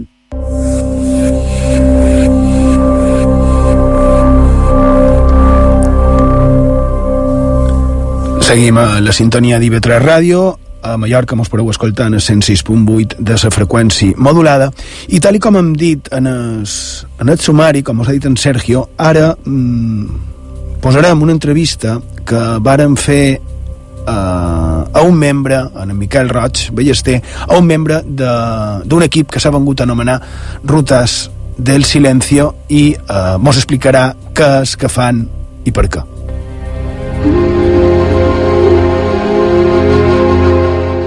I d'avui és un dia qualsevol, estem, estem a, a Sora Baixa i estem amb en Miquel Roig, que és triatleta, eh, és aventurer, i el motiu és perquè a Font de Misteris mos agrada fer-nos ressò quan qualcú fa aquests actes que criden tant l'atenció perquè és una superació d'ells mateixos i més quan eh, té qualque dificultat afegida que seria el cas que ve eh, a comentar i a representar en, en Miquel Roig. Miquel, bones tardes, gràcies per, per ser aquí a Font de Misteris amb nosaltres i la pregunta és què aneu a fer, a on i per què? Bones, uh, Xema. Uh, pues, què anem a fer, on i per què, pues, té, pues, t'aniríem contestant, no? Evidentment, això és un projecte, ho hem de dir, no està aquí en nosaltres, uh, ha tingut un petit imprevist i no, no ha pogut venir, és un projecte d'en José Luis García Ginart i de la seva organització que es diu Rutas del Silencio i que podeu visitar si fiqueu rutasdelsilencio.org a qualsevol cercador Sergio, uh, posa el link sí. en el Facebook quan emetem el programa, que serà la propera setmana. Vale, ho posam, idò. Val? El link uh, en el nostre Facebook. En José Luis és de la meva quinta i fa molt d'anys que mos coneixem i ell és, és sord. Uh, té sordera bilateral profunda pràcticament des de que va néixer i s'ha ha hagut de lluitar amb aquesta amb aquest hàndicap de, de no sentir, de viure a una, una, en una societat d'oients i, i ell no, no ho és. Ell, ell i moltes, moltíssimes altres persones no, no senten el que passa a l'entorn i ell resulta que a més a més vol anar en bicicleta, ha anat en bicicleta ha, ha estat membre de, de l'equip ciclista paralímpic de la selecció espanyola ha estat ciclista d'èlit dintre de les categories paralímpiques i després quan ja va ser més gran quan ja va deixar diguem el ciclisme de competició va voler eh, anar pel món en bicicleta eh, a, a, a donar aquest missatge de que, de que no hi ha barreres de, seu missatge, el seu lema és trencant les barreres de, de la comunicació. Trencant les barreres de la comunicació, en José Luis ha anat eh, per la Pampa Argentina, per Xile, per Laos i Camboya, per la Índia, i, i això, ha anat el seu, seu objectiu quan visita aquests països és visitar les escoles de nins sords d'aquells països.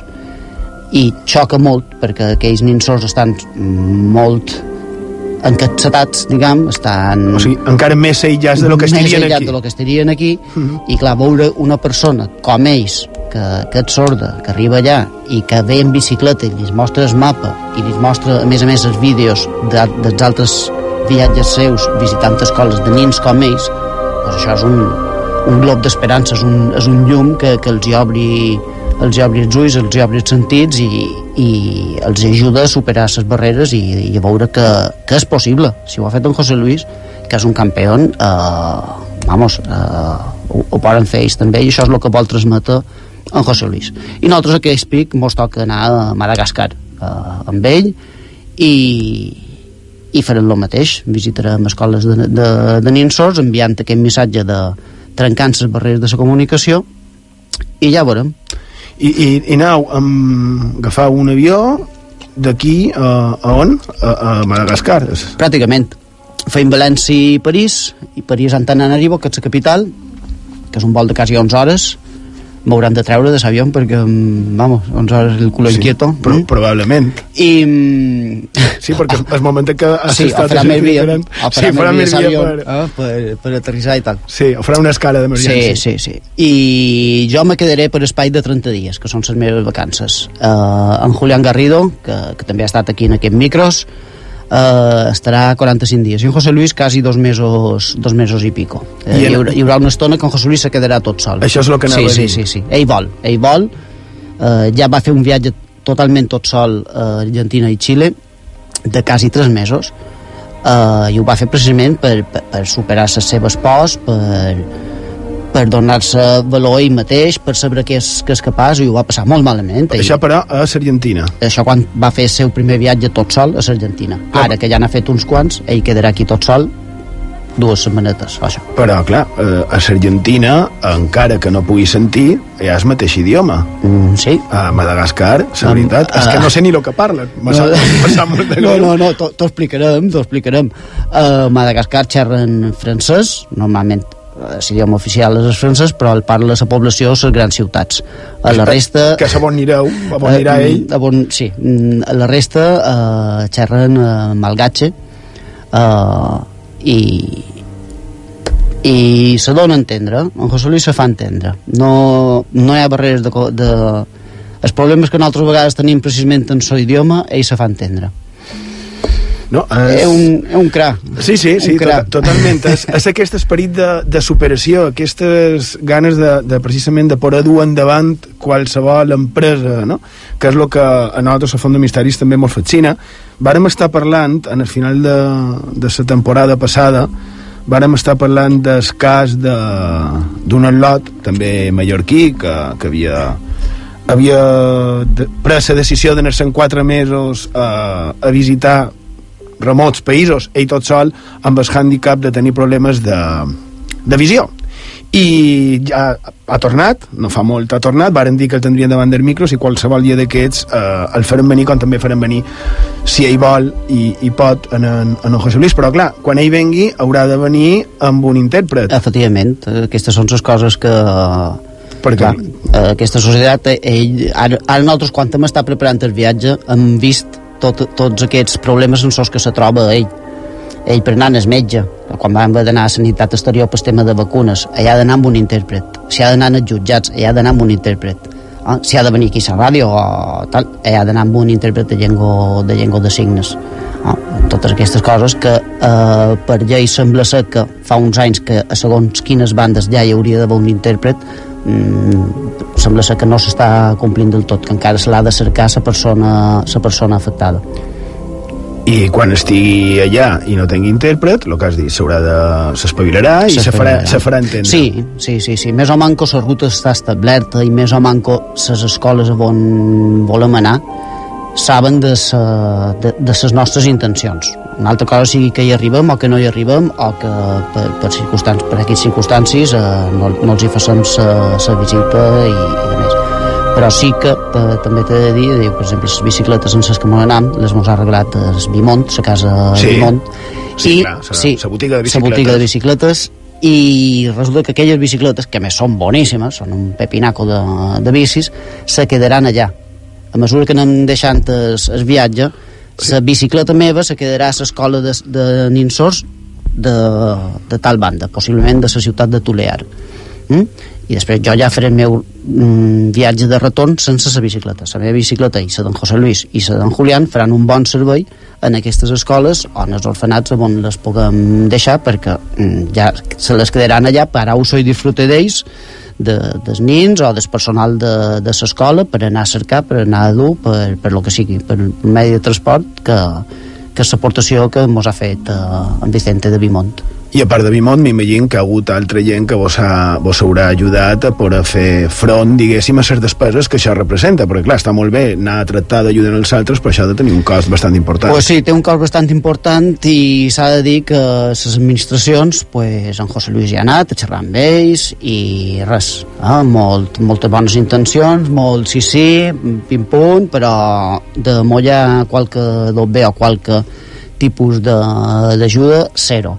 Uh, gràcies en es, en es, precisament en, a més a més en el petit i mitjà, petit i mitjà comerç. Uh, també nosaltres, uh, tot i que anàvem amb, amb Air France, una companyia molt forta grossa, companyia de bandera i tal doncs he de dir que tampoc no mos ha ajudat en res, ni tan sols no hi ha els bitllets nostres que dius, mira, vale, això és una, és una activitat voluntari Se, el transport de les bicicletes. Van demanar a Air France el transport de les bicicletes eh, departamento de marketing, departamento de prensa, departamento de la mare superiora i res, ni bicicletes, ni, ni transport, ni, ni, ni res. En canvi, per exemple, petites empreses, vi- viatges foners, no? amb, amb en Guillem Juaneda, que està per allà, eh, pues el Manco, des de la seva part, pues, ens van pagar, per exemple, el transport de les bicicletes. No? L'empresa fora corda pues, ens ha donat quantitat de material vamos, eh, superbo que també és molt necessari, o sigui, un material tècnic, un material de qualitat, eh, mos ha donat eh, fora corda. Laboratoris Nutergia també també mos ha ajudat econòmicament, perquè altres ocasions d'en José Luis també el va ajudar i ha seguit amb aquesta línia. I Baleàrids, eh, una empresa que organitza events esportius, va organitzar un golf eh, a benefici nostre, i bé, hi va anar poca gent perquè era 26 de juliol eh, feia molta calor i sabeu que els golfistes això de la calor no ho duen tan bé com els triatletes i no, bé, però mm, la intenció és el que compta i el que varen poder recaudar pues va, va cap allà. I, i res, o sigui, això és un poquet el que el que m'han durant cap a, cap a Madagascar. Jo el que més m'agrada i més me crida l'atenció és que el que realment vos dureu cap a Madagascar és aquest missatge de- d'esperança, de, aquest missatge de, de poder fer front eh, en, aquestes, en aquests impediments que, que sovint els, els que no els tenim no pensam com ha de ser sa, el dia a dia, la vida d'aquestes persones que ho tenen. I si més te'n vas a segons quin indret del món a on, com hem dit abans, te- t'aïllen dins el teu aïllament eh, i del xapó, vull dir eh, és l'únic que, que poden dir independentment que després tu estiguis més o manco sonat i facis Mm. triatlons i totes aquestes barbaritats que també ja les, que també, le- les sí. comentarem Ah. en, en tu i els que feien, fan, feis, no ho sé Ironmans i, i coses d'aquesta semblant que la majoria de gent no saben el que, lo que és i que crec que, que valdrà la pena comentar-ho mm, Miquel, moltíssimes gràcies eh, saluden els teus companys i que això, que mos llevam es, es capell i que a pogueu aconseguir aquesta, aquesta fita que vos heu proposat que, que trobam a Font de Misteris que és de lo més, de lo més noble. Moltíssimes gràcies, molt d'ànim i bé, i quan torneu esper que vingueu aquí i que mos ho conteu. Això està fet i en José Luis encantat de, encantat de venir. Moltes gràcies a vosaltres. A tu faltaria. A IB3 Ràdio, Font de Misteris, amb Xema Font.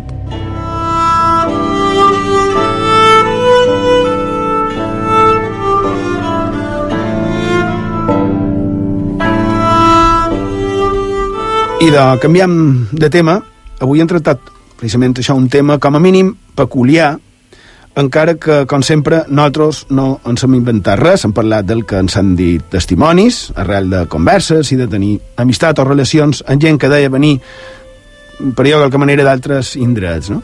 Aquí també això ho podrien discutir, ja ho hem dit, però només han posat les dades damunt la taula perquè també ens han fet ressò, com dèiem, del que deia la premsa de, de l'època, també l'actual, tan actual com, com aquesta mateixa setmana. Tot això ja, ja ho hem comentat. A Menorca i a Menorca, la premsa local parlant d'ovnis, que, a més, curiosament, el diari Última Hora, que s'ha sortit aquesta notícia, i ha, ha estat una de les notícies més llegides segons figurava la seva plana web. I d'aparicions de llums eh, al cel i d'estranys històries d'apareguts i semblants a una altra cosa. També hi ha aparicions, però aquestes vendrien avalades, no sé si aquesta seria la paraula, avalades, justificades, en aquest cas, en principi per l'església, hi haurà qui li pareixeran el mateix que tot l'altre que han comentat, i també hi haurà que trobarà que no són comparables, no? I també supos que, que haurà que pensarà que són semblants.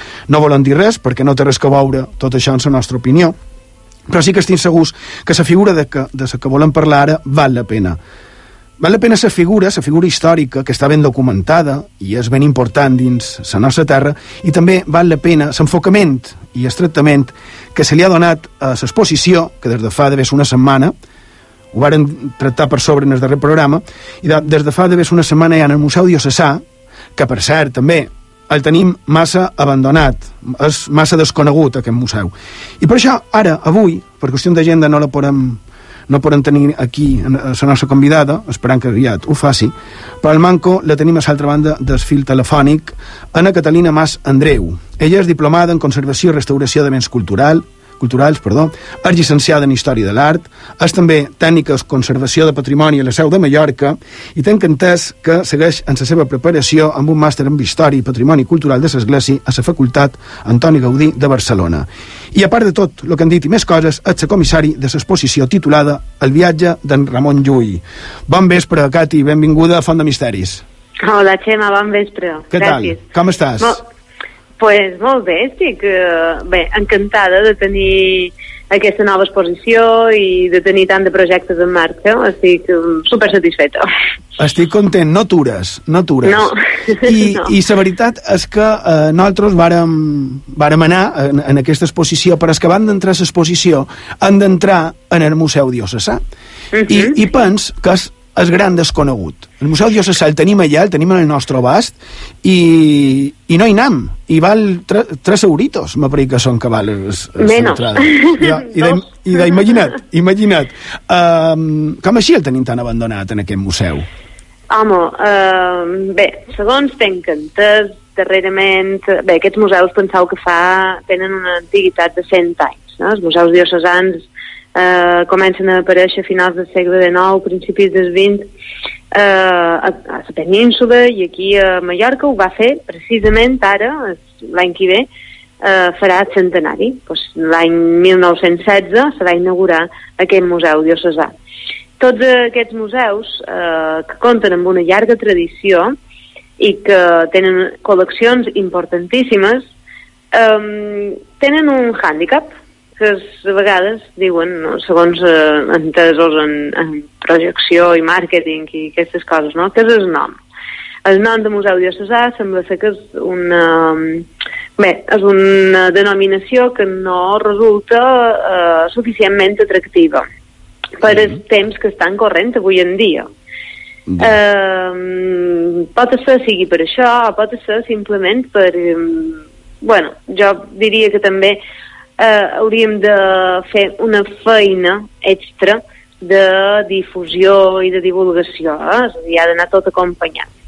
Eh, com nosaltres mm, treballem intentant acostar els museus amb, oferint a vegades jornades de portes obertes, com ara en aquesta ocasió arrel de la, de la inauguració de la darrera exposició que s'ha fet allà, del viatge de Ramon Llull, però també eh, durant els, els mesos de, de primavera fem activitats per nins, hem, hem tingut alguna activitat per nins, i ara amb això de l'exposició nova també en farem més.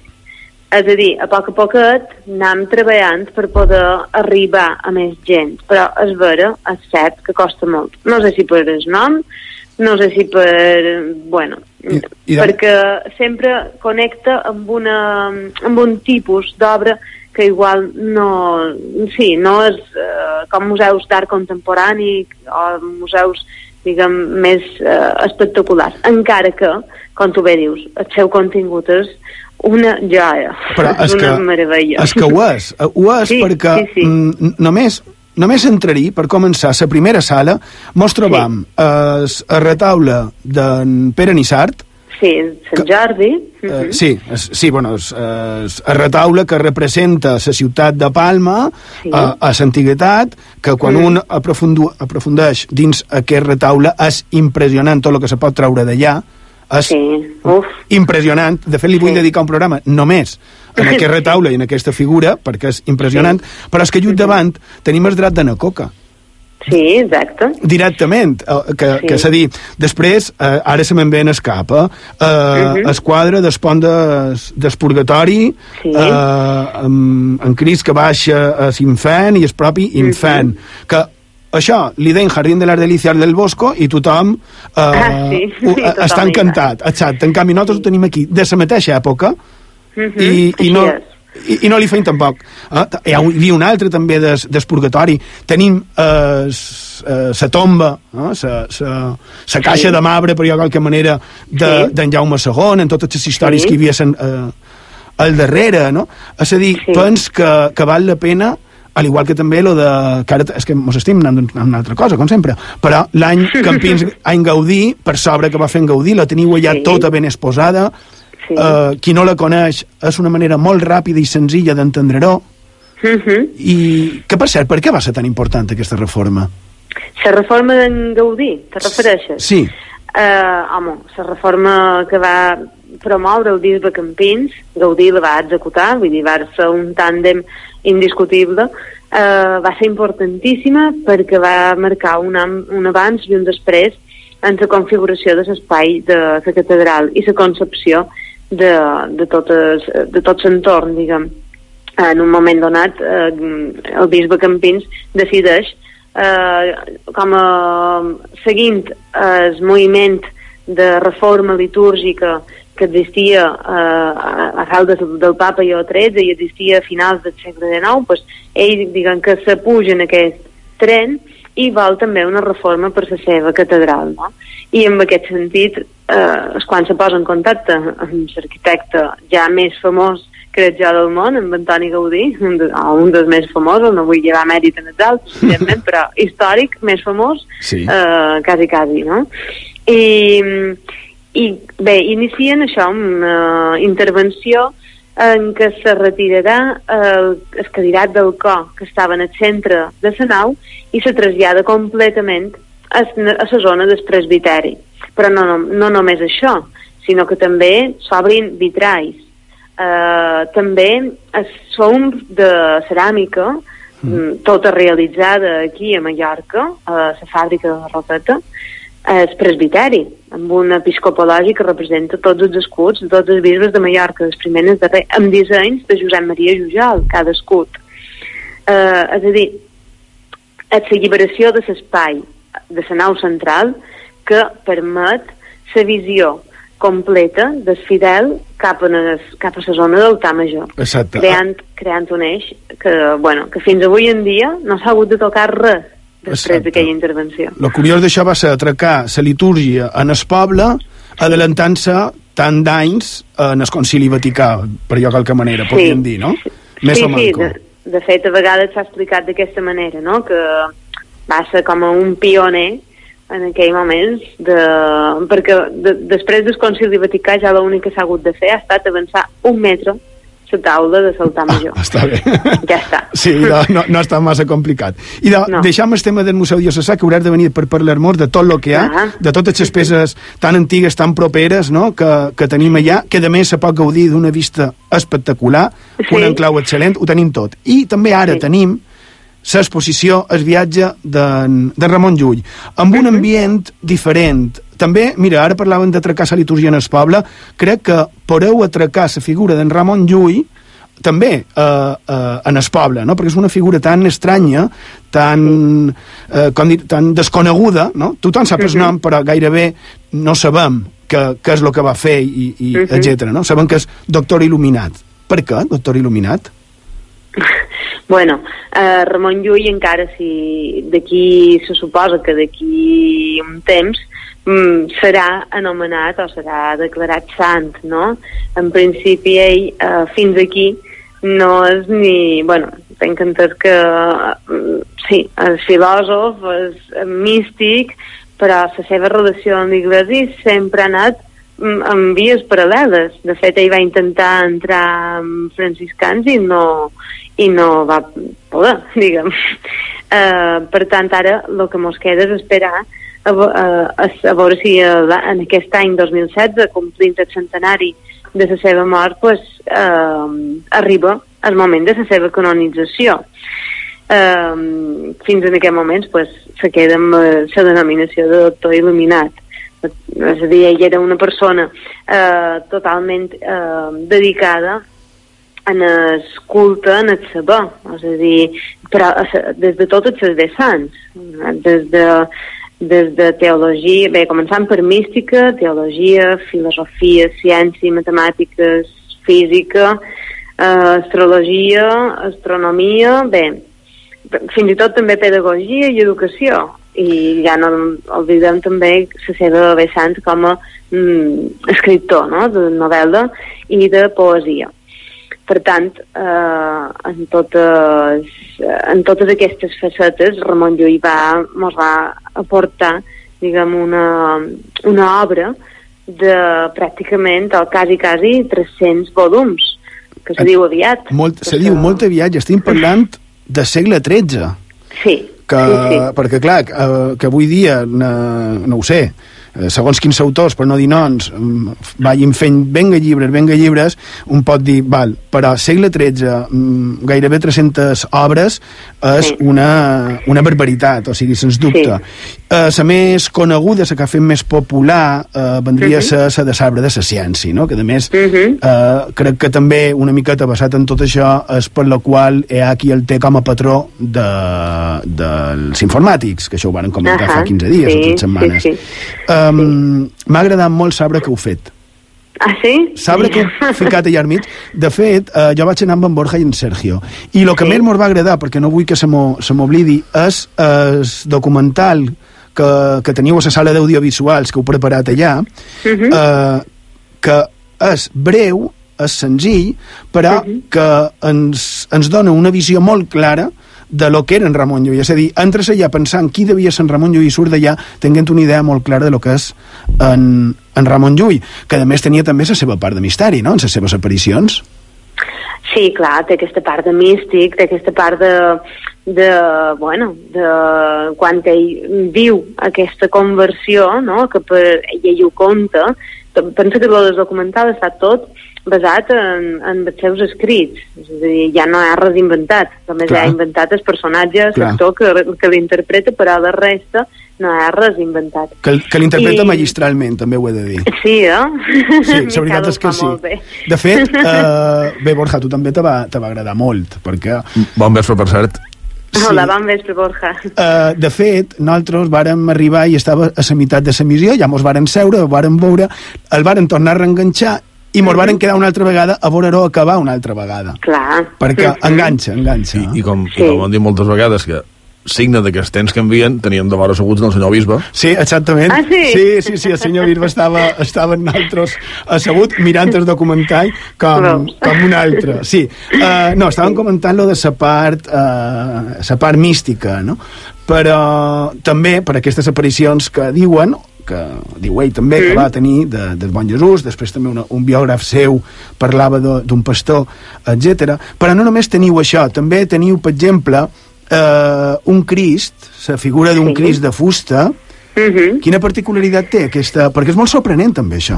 Aquest Clar, Crist que mira. podem veure ja, què li passa en aquest Crist de Sant Sepulcre? Bueno, mira, que, aquestes dues peces que en revolten, eh, diguem que acompanyen el documental, que veus que s'il·luminen en certs moments durant la, seva, durant la projecció no? de la pel·lícula, diguem, eh, aquestes dues peces són dues peces contemporànies de Ramon Llull.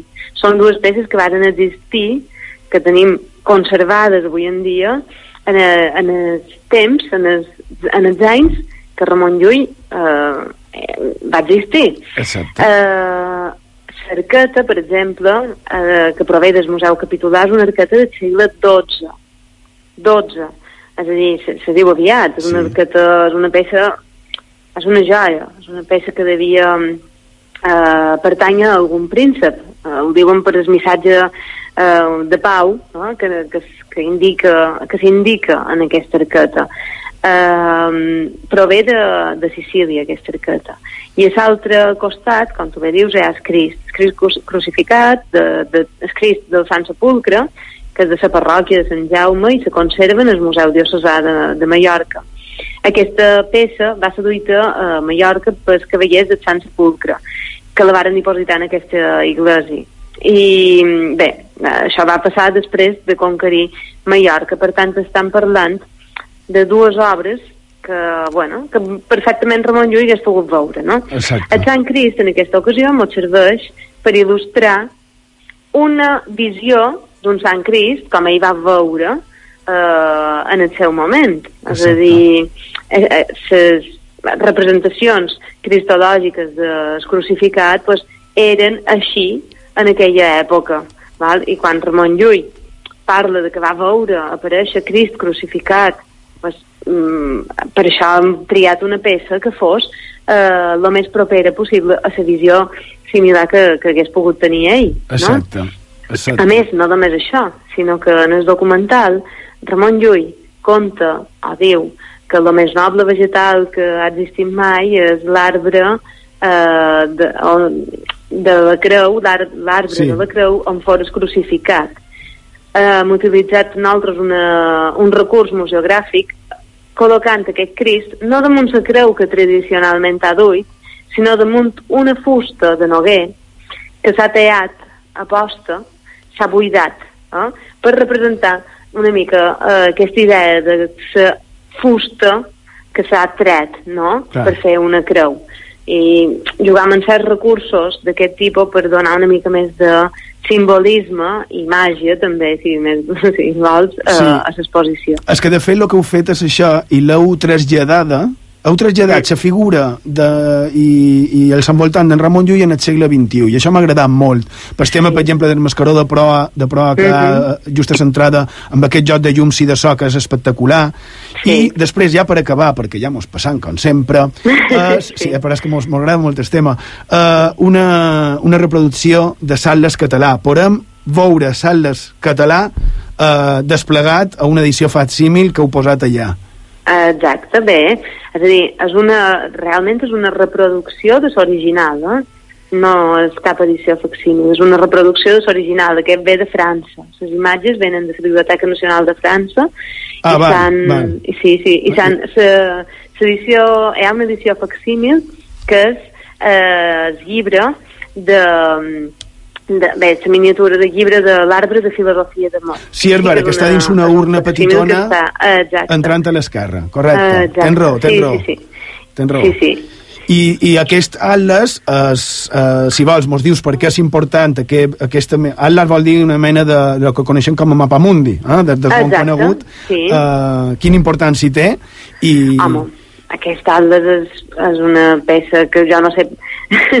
Dic, mira, aquest, aquest atles és eh, obra de Navram i en Jafudà Cresques, eh, els cartògrafs aquests Mallorquins, de, mallorquins, sí. eh, jueus, Sí. que varen viure aquí entorn a l'any 1375. Aquesta obra doncs, és un mapa mundi que ofereix això, una visió del Mediterrani i d'Europa en el final del segle XIV. És, és extensíssim perquè abarca, abraça tot el que és Europa, però també Àsia, Àsia Menor i, sí, i Àfrica. Eh? I bé, és la primera vegada que també, com a curiositat, eh, ja a més, que incorpora eh, la rosa dels vents com a instrument nàutic, no? que conté pues, això, les 32 direccions i, i, el, i el nom dels vuit principals vents. Aquest Aldes avui se conserva, com t'he dit, a la Biblioteca Nacional de França. Sí. Uh, I el tenen no gelós, gelosíssim. Sí, exacte, exacte, és, és, sí. seva, és un tresor per ells, eh? és una Sí. peça uh, sí, que li, li tenen molt, molta estima. I, I bé, nosaltres el que hem aconseguit no l'hem duit, evidentment, perquè um, seria excessiu, Clar. però sí que hem duit unes... Bé, la reproducció i l'hem posada en es, a la sala 3 de, de l'exposició.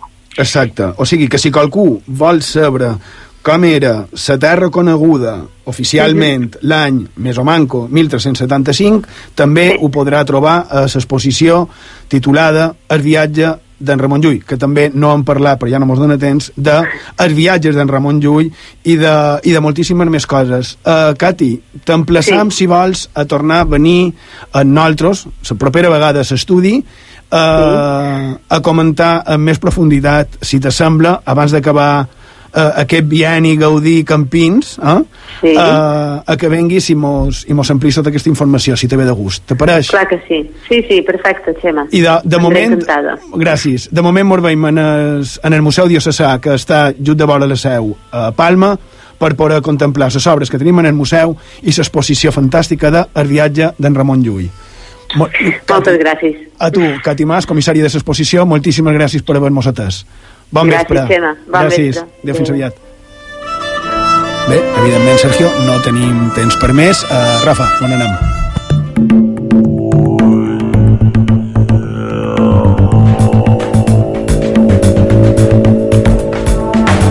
Hem arribat a la fi del programa d'avui i esperem que hagueu passat una estona agradable que hagueu pogut treure qualque cosa de profit d'aquesta font de misteris. Avui hem parlat de grups de gent que, que es juntaven ja fa anys, no? allà pels 70, i, i també d'altres que, que encara avui es junten perquè a dia d'avui encara es fa, amb una finalitat o una intenció comuna, no? veure esteles o cercar eh, extraterrestres o anar a fer meditacions universals, tant se fa. Antigament no devia ser tan fàcil concretar, no? Es poder quedar sense mòbils i sense internet, no? Els, els joves amb això es fan creus, però, però era possible. I doncs sí, ho era. Avui dia és més fàcil, clar, de fet, amb els, els grupets que es creen de Facebook, de WhatsApp i, i semblants, un poc crear un esdeveniment com el que vàrem fer, per exemple, en les bicicletes i, i la ruta de misteris que vàrem organitzar en l'Ajuntament fa un parell de setmanes, però també hom pot recuperar aquells amics de la infantesa i fer sopars i excursions i, i, i, i els que es coneixien com a, com a quedades no? per retrobar-se. I quan un les fa, jo també n'he fetes, i sé que amics de la meva infància, infantesa ara ens escolten, i de quan un ho fa, a part de retrobar amics, es pot retrobar amb un mateix, no? Les seves pors, els seus records, la seva infantesa i la seva relació amb els companys. És una, com a mínim, interessant experiència, amics de quan érem nens, és de tota la vida, en el meu cas, tenc clara la sort que tenc, perquè molt d'ells no els he de retrobar, perquè sempre hem estat plegats. Però, què passa quan ets gran i es retrobes amb aquella gent de la teva infantesa o de la seva adolescència, d'aquells moments tan vitals, importants? I de l'altre dia, parlava d'això amb, un, amb un bon amic del programa, i bon amic meu, i me va sorprendre la història que el seu grup, que s'havia distanciat per mort dels anys i de les trajectòries vitals, cosa lògica, no? I de, es varen retrobar. I què han fet? I han fet una mena de, com a de cadena de favors, no? Un, grups, un grup d'amics de s'infantesa que 30 anys després s'ajunten de ben nou i s'ajuden, cadascú amb el que pot, sense demanar res a canvi, deixant davant d'aquelles possibles renyines o enfrontaments antics, que ara veus que no tenien gaire importància ni, ni sentit. En el seu moment, tal vegada sí, no?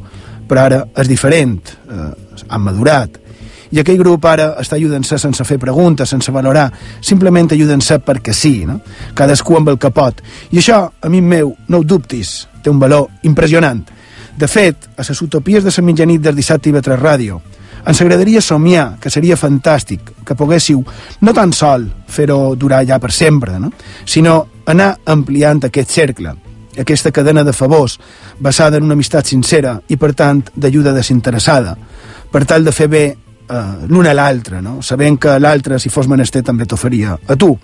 I d'així que enhorabona, grup de 68, i a seguir fent-ho i a predicar l'exemple. Nosaltres, si ens ho permeteu, també volem formar part d'aquesta enriquidora experiència. Perquè tal vegada podem, com diu la cançó canviar el món, no? Una cançó com vosaltres, de l'any 68, Revolution, Revolution, de, de Beatles. Allí Pau, bona nit, gràcies per la vostra companyia i fins la setmana que ve.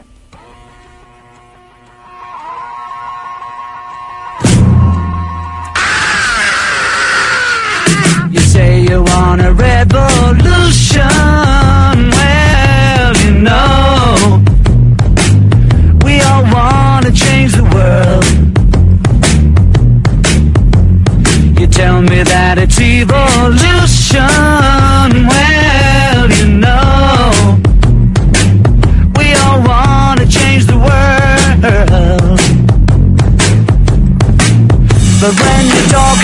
Destruction, don't you know that you can count me out?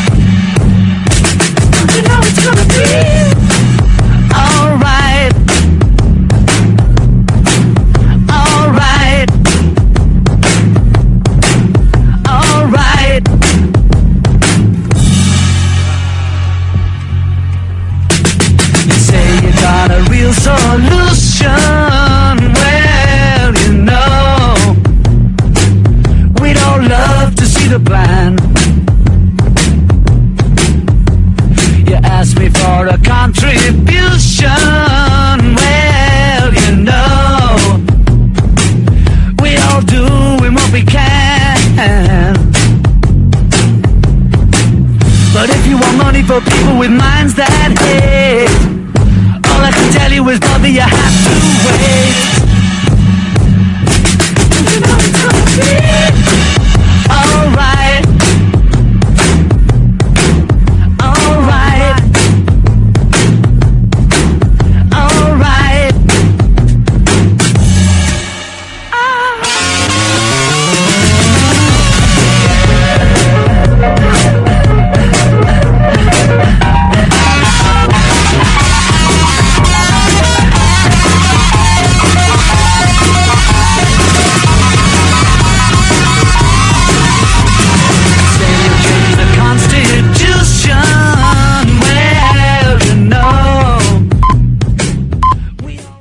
IB3 Ràdio. La ràdio autonòmica de les Illes Balears.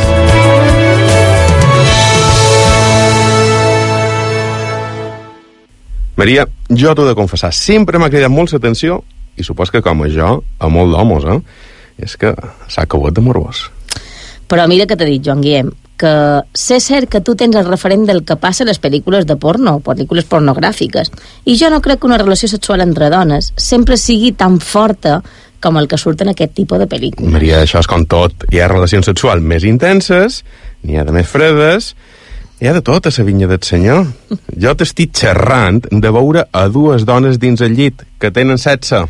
Sí, la veritat és que sé cert que el percentatge d'homes mm, que els hi posa molt eh, veure dues dones aferrades tenint sexe és més elevat eh, que el percentatge de les dones que veien dos homes aferrats tenint sexe. Però, Maria, una coseta. Amb això que m'estàs dient, se m'ocor una pregunta. Bé, no, una no. Ja saps que me'n venen moltes en el cap, una darrere l'altra. Bé, idò, vinga, digue't la primera. Per on començar, Maria? Jo he donat pistes ja als nostres oients de que xerrarem avui vespre, perquè la cosa va de sexe entre dones. Però una dona que ha tingut relacions sexuals amb una altra dona, se la considera lesbiana? Jota, una lesbiana, tots sabem que és una dona que li agraden les dones. No, no van per aquí estirs. Te pot agradar tenir sexe amb els homes i amb les dones, però tenir clar que t'agraden els homes com a parella. No sé si m'entens. Bé, tens moltes de preguntes. Vinga, idò, les resolvem al llarg del programa. Te sembla bé? Clar, no me faltaria. És que tenc ja ganes de començar i de que els nostres oients puguin començar a convidar a, a conèixer les nostres convidades. A IB3 Ràdio No apaguis el llum amb Maria Rigó i Joan Guillem Jaume.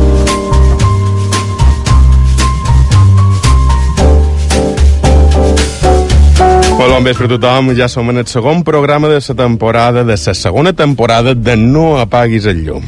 I ja veus que cada dissabte passam llista. Moltes gràcies a tots els que ens seguiu en edició darrere edició.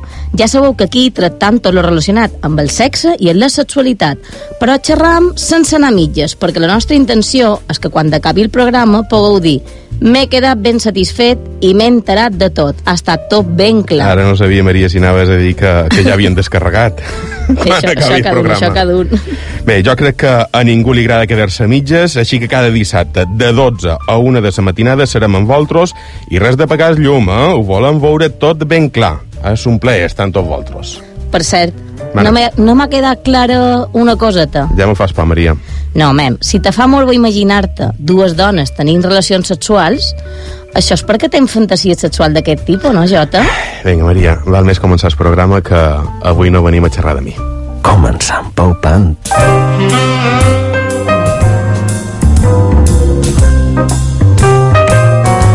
doncs ja sabeu de- d'acabar la cosa, no vos podreu queixar que vos han donat moltes pistes. Eh? Avui coneixerem el testimoniatge de na Rebeca i na Pilar, dues al·lotes lesbianes que mos contaran com i quan varen sortir de l'armari. Sí, jo no només vull saber això. Jo, el manco, com a sexòloga, m'interessa saber també coses sexuals i sensuals. I ja intentaré treure-li-s. Maria, no els comencem a assustar, que encara tenen temps a partir, eh? Ei, que aquí no forçam a ningú, eh? Per sort és un programa lliure, mos contaran el que voldran, però jo també li demanaré tot el que m'ha